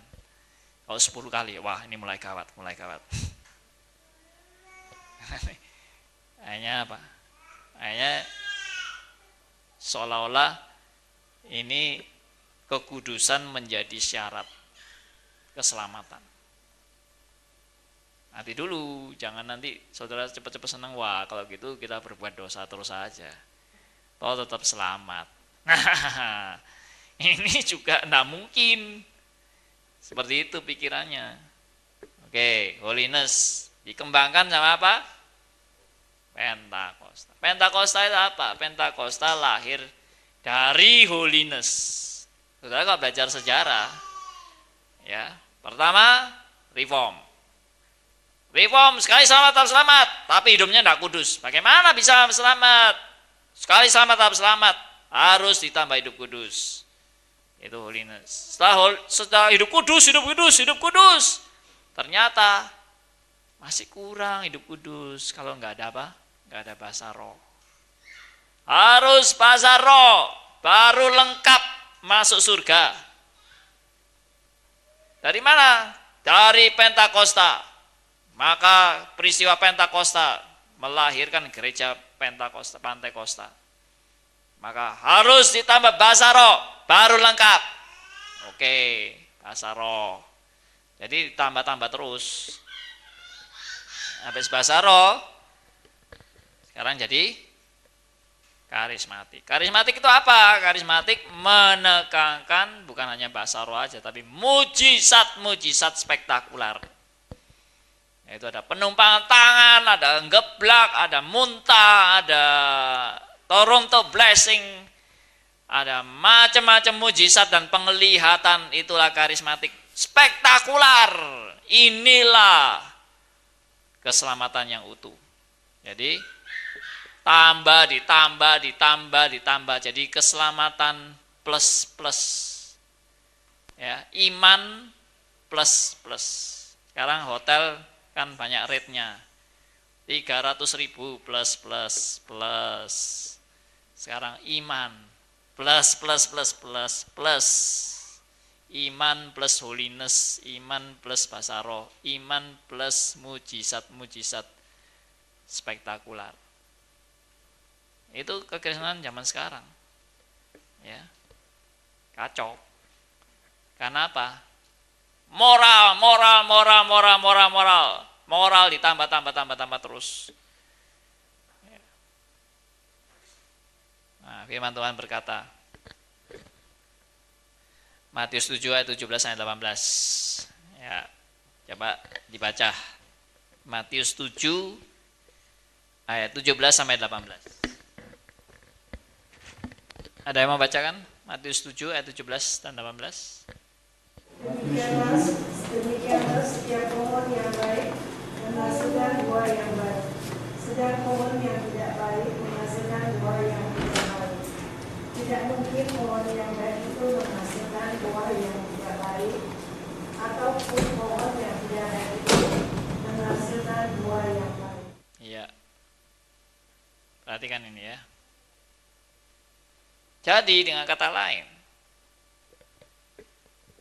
Iman yang benar pasti menghasilkan perbuatan yang sesuai dengan iman yang benar itu. Jadi tidak ada iman yang benar, tidak ada hasilnya. Itu bukan iman yang benar. Iman yang benar pasti ada hasilnya. Pasti ada buahnya. Pohon yang baik mengeluarkan buah yang baik. Pohon yang tidak baik mengeluarkan buah yang tidak baik. Tidak mungkin pohon yang baik mengeluarkan buah yang tidak baik. Dan tidak mungkin pohon yang tidak baik mengeluarkan buah yang baik. Ini hukumnya. Dengan kata lain yang lebih gamblang, mungkin saya, kalau saya pakai ilustrasi sekarang, tidak mungkin pohon mangga mengeluarkan buah pisang. Pernah ada? Pohon mangga mengeluarkan buah pisang. Ya, tidak mungkin kan? Yang namanya pohon mangga yang mengeluarkan buah mangga. Yang namanya anak-anak keselamatan, menghasilkan buah yang sesuai dengan keselamatan. Berikutnya, Yohanes 15 ayat yang kelima.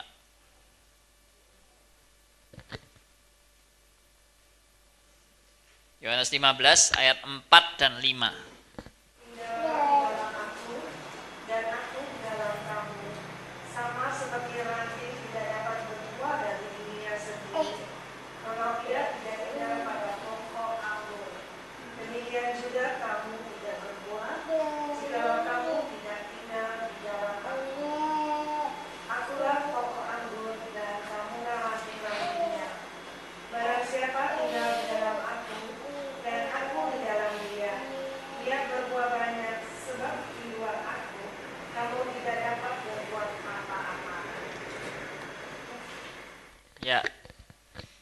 Perhatikan. Ini adalah gambaran hubungan antara ranting dan pokok anggur. Ya. Ranting tidak bisa berbuah dari dirinya sendiri. Kalau ranting terputus dari pokok, ya mati ranting itu dan tidak akan mengeluarkan buah. Tapi kalau ranting ini melekat pada pokok anggur, dia akan dapat makanan dari pokok itu dan dia akan mengeluarkan buah. Berarti menunjukkan apa? Menunjukkan hasil proses. Maka perbuatan itu bukan menempel atau ditambahkan. Tapi perbuatan adalah hasil proses. Proses hubungan pribadi dengan Tuhan. Proses dari orang yang sudah percaya terus dibimbing oleh Roh Kudus menghasilkan perbuatan yang sesuai dengan imannya.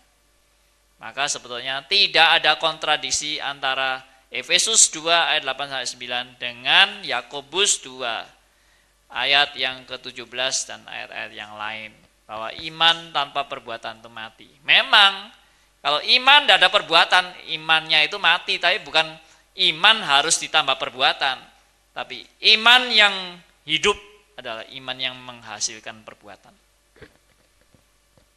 Tapi iman mati memang tidak ada perbuatan. Perbuatannya cuma perbuatan tempelan. Perbuatan fenomenal. Perbuatan moralis yang dijadikan standar untuk menghakimi orang. Ya, itulah. Ya. Mengenai perbuatan, mohon dijelaskan karena masih bingung dengan Matius 7 ayat 21 sampai 23 bukan setiap orang yang berseru kepada Tuhan Tuhan akan masuk dalam kerajaan Allah, melainkan dia yang melakukan kehendak Bapakku. Kemudian ditutup dengan menyahlah engkau pembuat kejahatan. Kejahatan itu di mana Pak dan apa yang harus dilakukan dalam kehendak Bapak? Ya, Matius 7 ayat 21 sampai 23. Ini pertanyaan yang sangat baik. Dikatakan bukan orang yang berseru kepadaku Tuhan Tuhan yang akan diselamatkan, tapi orang yang melakukan kehendak Bapakku. Ya. Lalu kok melakukan yang diselamatkan? Tadi bilang katanya tidak melakukan. Nah, sebetulnya ini sama persis jawabannya. Melakukan yang bagaimana? Melakukan yang merupakan hasil dari iman bukan melakukan yang tempelan. Gitu. Nah, kenapa orang-orang yang bisa mengusir setan demi namamu, melakukan mujizat demi namamu, itu kok enggak masuk dan dikatakan berbuat kejahatan? Karena apa? Tahu?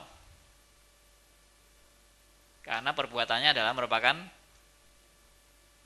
tempelan. Jadi yang dimaksud berbuat jahat itu apa? saya hanya berbuat baik untuk dinilai orang lain. Saya hanya berbuat baik untuk saya dihormati. Saya berbuat baik untuk saya yang dimuliakan. Jangan saudara kira orang yang melakukan mujizat pasti itu untuk Tuhan. orang banyak pelaku-pelaku mujizat itu adalah nabi-nabi palsu yang tujuannya untuk memuliakan diri sendiri dan menyesatkan banyak orang. Yang hanya untuk memuaskan hati manusia, tapi bukan untuk membawa orang kembali kepada kebenaran. Itu. Saudara jangan pikir pokoknya orang sudah melakukan mujizat pasti benar. Sekarang baca 2 Tesalonika 2 ayat 9. Ya, Coba. 2 Tesalonika 2 ayat 9.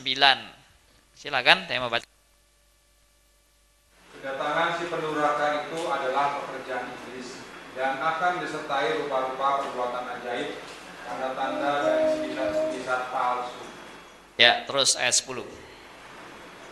Dengan rupa-rupa tipu daya jahat terhadap orang-orang yang harus binasa, karena mereka tidak menerima dan mengasihi kebenaran yang dapat menyelamatkan mereka. Perhatikan itu. Dengan rupa-rupa tipu daya jahat terhadap orang-orang yang harus binasa. Karena mereka tidak menerima dan mengasihi kebenaran yang dapat menyelamatkan mereka. Ini ayat yang benar-benar jitu untuk menghantam orang-orang yang tergila-gila pada mujizat. ya, jadi mujizat itu disediakan bagi orang yang harus binasa. Kenapa mereka tergila-gila dengan mujizat? Karena mereka tidak mengasihi kebenaran. Mereka lebih menyukai mujizat daripada kebenaran. Maka hamba-hamba Tuhan yang memamerkan mujizat hanya untuk menyenangkan jemaat yang dilayani dan untuk memuliakan dirinya sendiri. Ini adalah penyesat-penyesat dan nabi-nabi palsu yang dipakai setan untuk mengelabui orang-orang yang harus binasa. Ini betul terjadi ini. Datang si adalah pekerjaan iblis dan akan disertai rupa-rupa perbuatan ajaib dan tanda-tanda dan mujizat-mujizat palsu. Mujizat palsu itu bukan berarti tidak terjadi. Terjadi. Tapi yang dimaksud palsu adalah mujizat yang palsu bagi orang binasa akan membawa mereka terjebak kepada kepalsuan-kepalsuan yang makin menipu mereka. Ya, orang-orang yang tergila-gila sama mujizat. Kalau tidak ada mujizat imannya apa? Rontok. Ada mujizat, oh bergairah. Tidak ada mujizat, hmm, mati.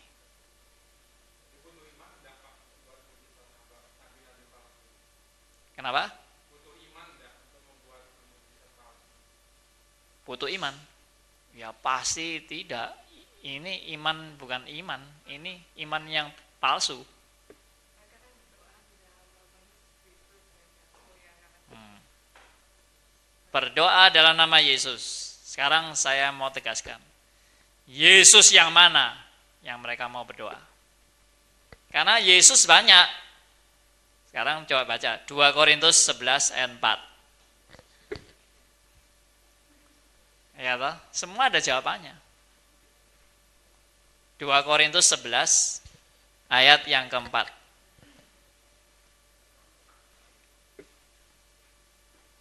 Coba dibaca.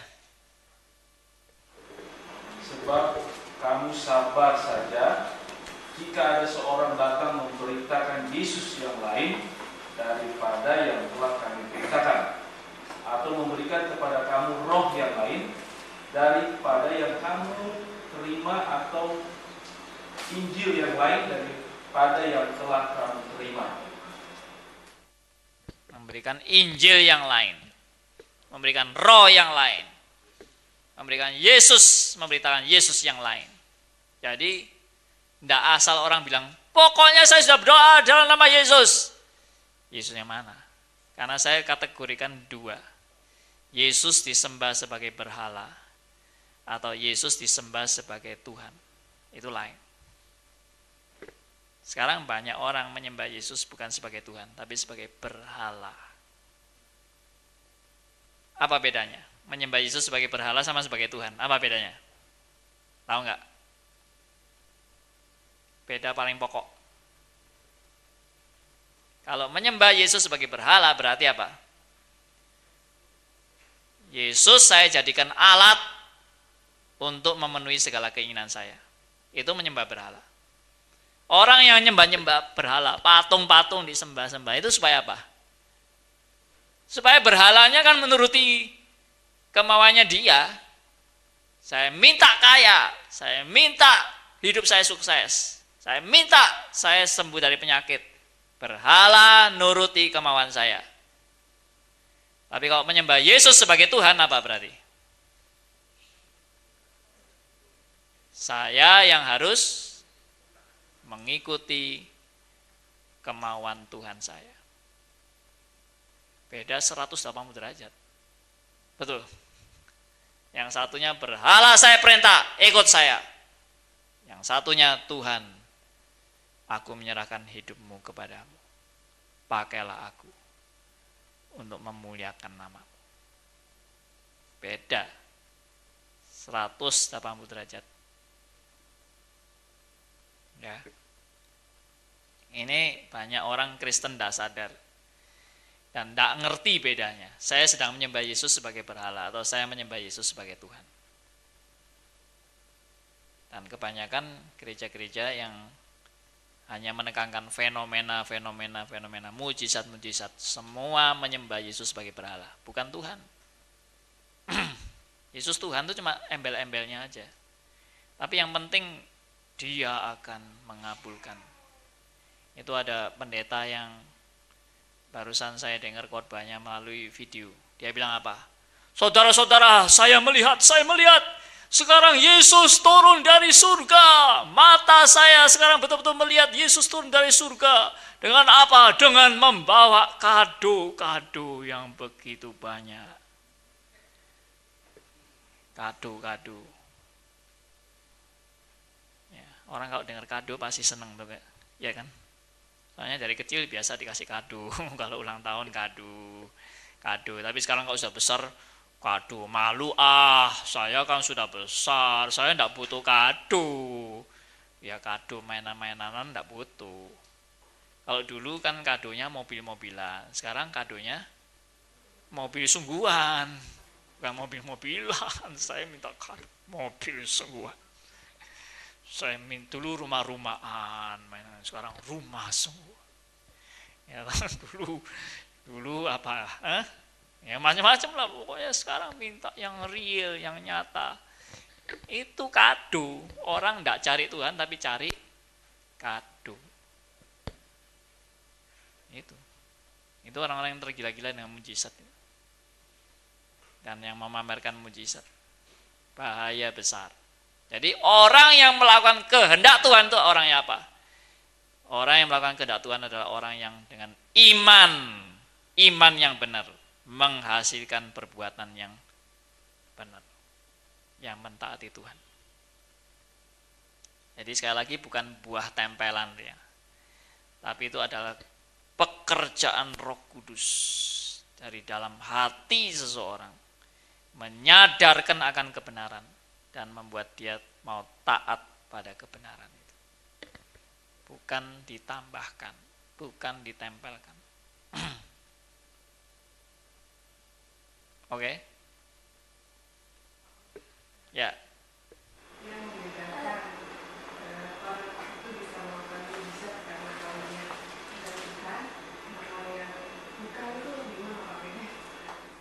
itu sulit dibedakan. Tapi sekarang saya mau kasih tahu hasilnya. Hasilnya bagi orang pilihan dan hasilnya bagi orang bukan pilihan. Orang yang bukan pilihan dapat mujizat akan makin tergila-gila pada mujizat dan akan makin menjauhi kebenaran. Tetapi bagi orang pilihan yang melihat mujizat, mujizat itu akan menguji dia Apakah dia hanya mau mujizatnya atau dia betul-betul mengasihi Tuhan dan mau kembali pada kebenaran. Maka mujizat bagi orang pilihan bukan makin membuat dia tergila-gila pada mujizat, tapi membuat dia makin teruji untuk setia pada kebenaran. Mari baca ulangan 13 ayat 1 sampai 3. Ya. Ini ayat-ayat semua menjawab persoalan-persoalan dalam kepalsuan mujizat. Ulangan 13 ayat 1 sampai 3. Ini ayat-ayat perlu dicatat.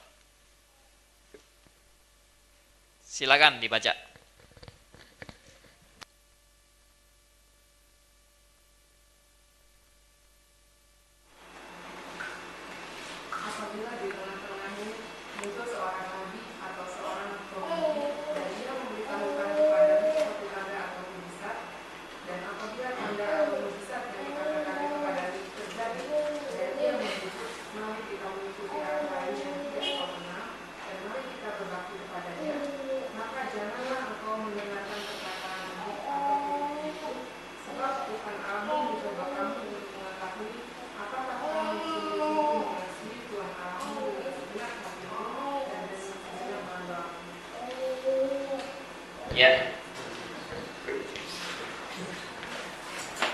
Jadi Tuhan mengizinkan mujizat-mujizat palsu yang juga dilihat oleh orang pilihan.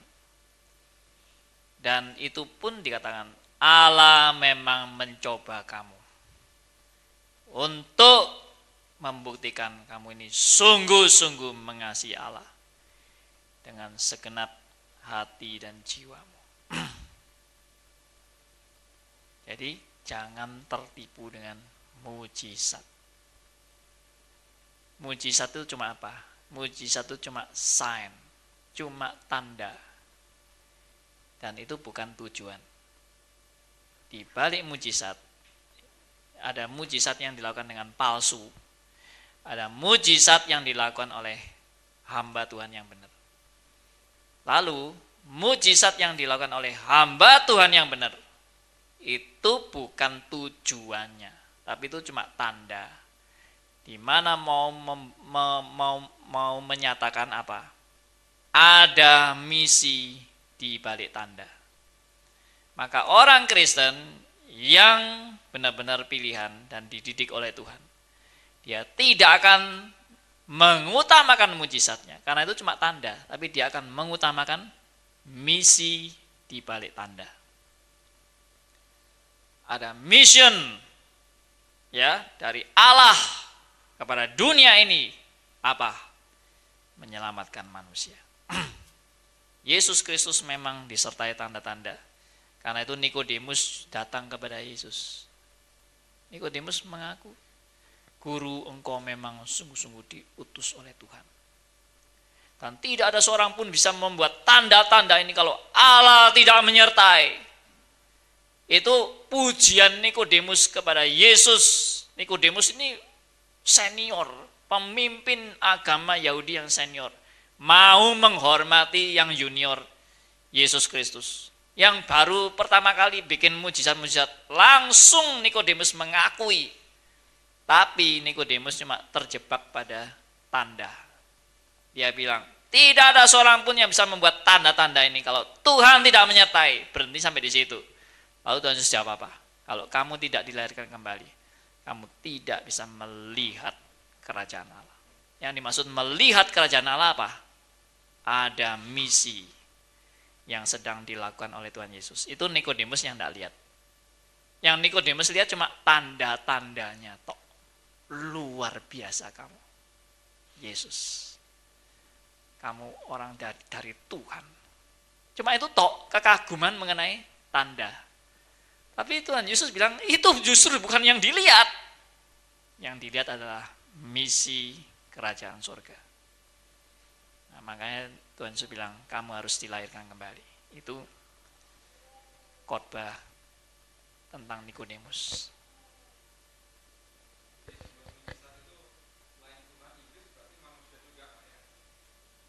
Manusia.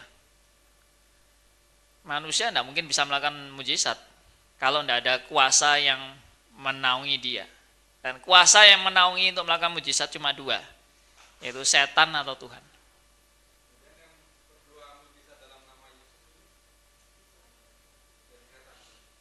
Itu bisa dia cuma dipakai, bisa juga itu dari setan.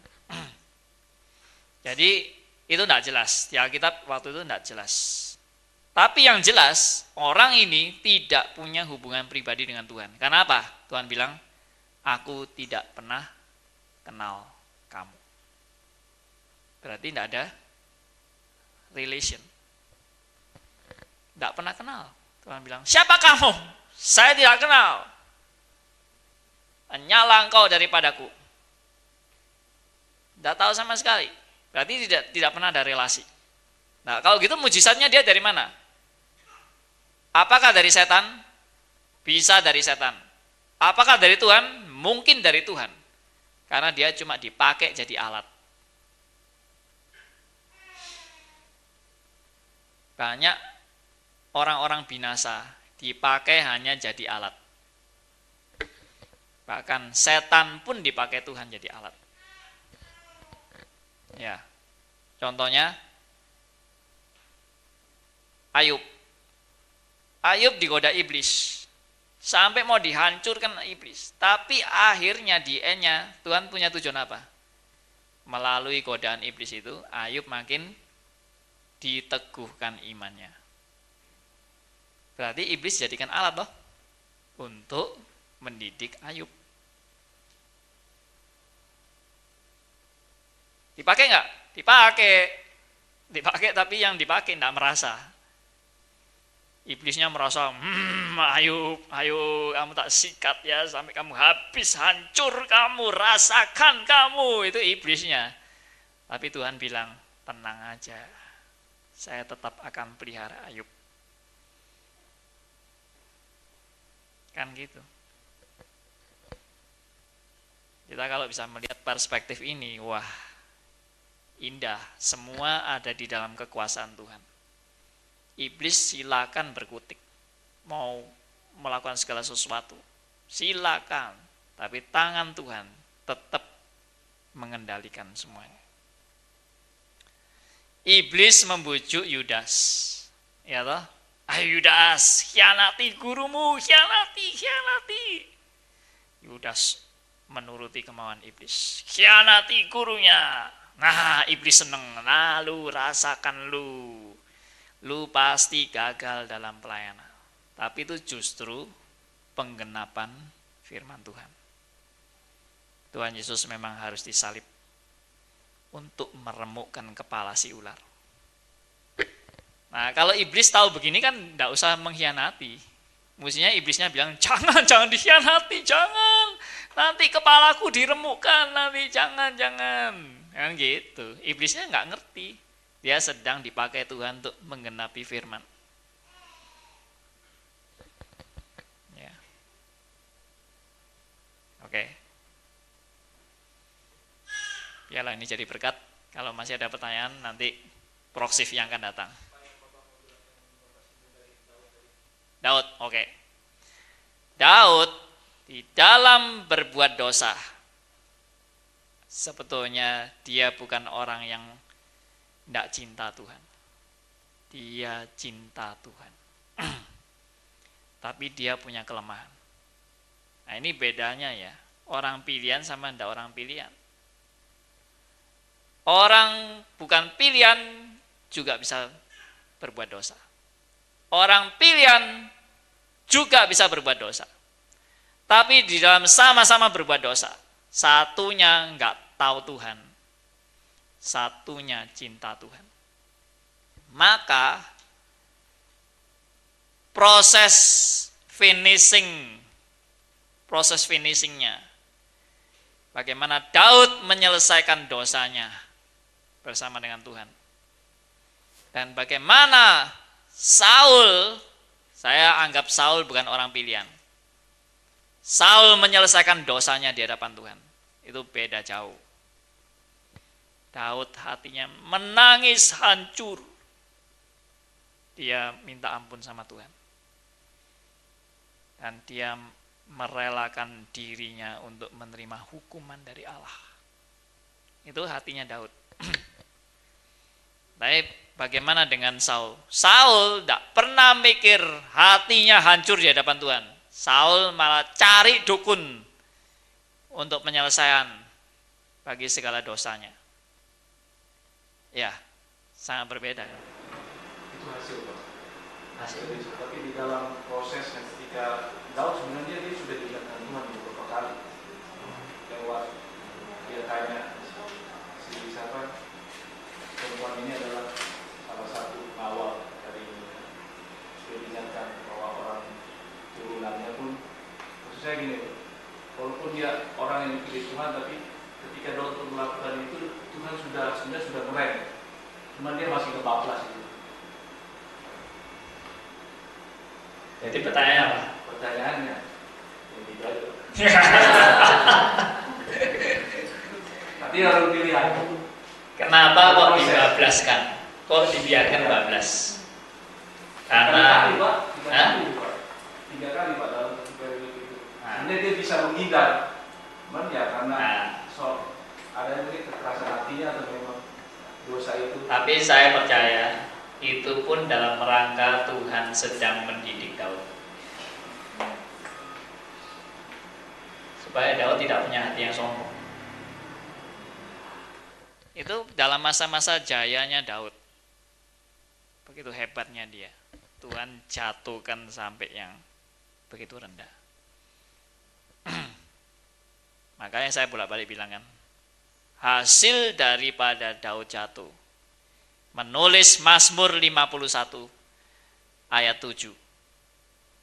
Di dalam Mazmur 51 ayat 7, Daud bilang, apa? Aku berdosa sejak dalam kandungan ibuku. Dalam kesalahan aku diperanakan. Saudara tahu enggak kata-kata ini apa maksudnya? Hasilnya apa? Hmm? Perhatikan. Ya, perhatikan kata-kata ini.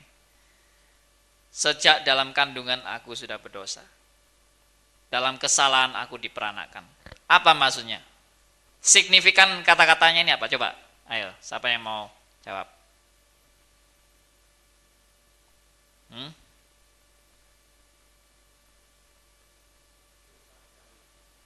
Dosa asal.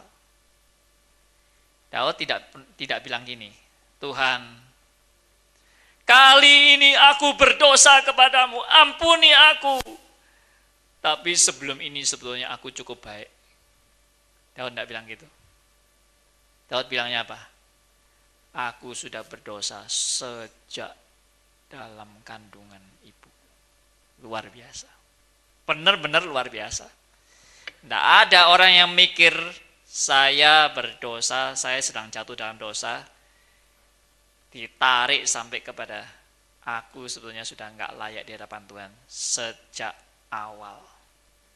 Bukan aku nggak layak sejak aku jatuh ini sekarang.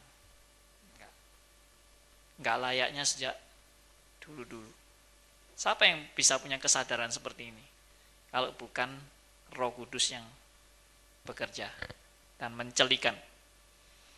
Kita sering kali merasa saya cukup layak, saya cukup pantas sama Tuhan. Kalau saya jatuh ya saya jatuh ini aja yang tidak pantas. Tapi sebelumnya saya cukup pantas. Tidak, tidak ada yang pantas. Itu yang tadi saya kembali lagi khotbah saya tadi. Semua karena anugerah Tuhan. Bukan karena kelayakan saya bukan karena kepandaian saya.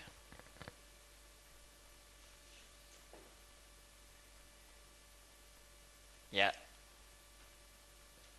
Oke, mari kita bangkit berdiri.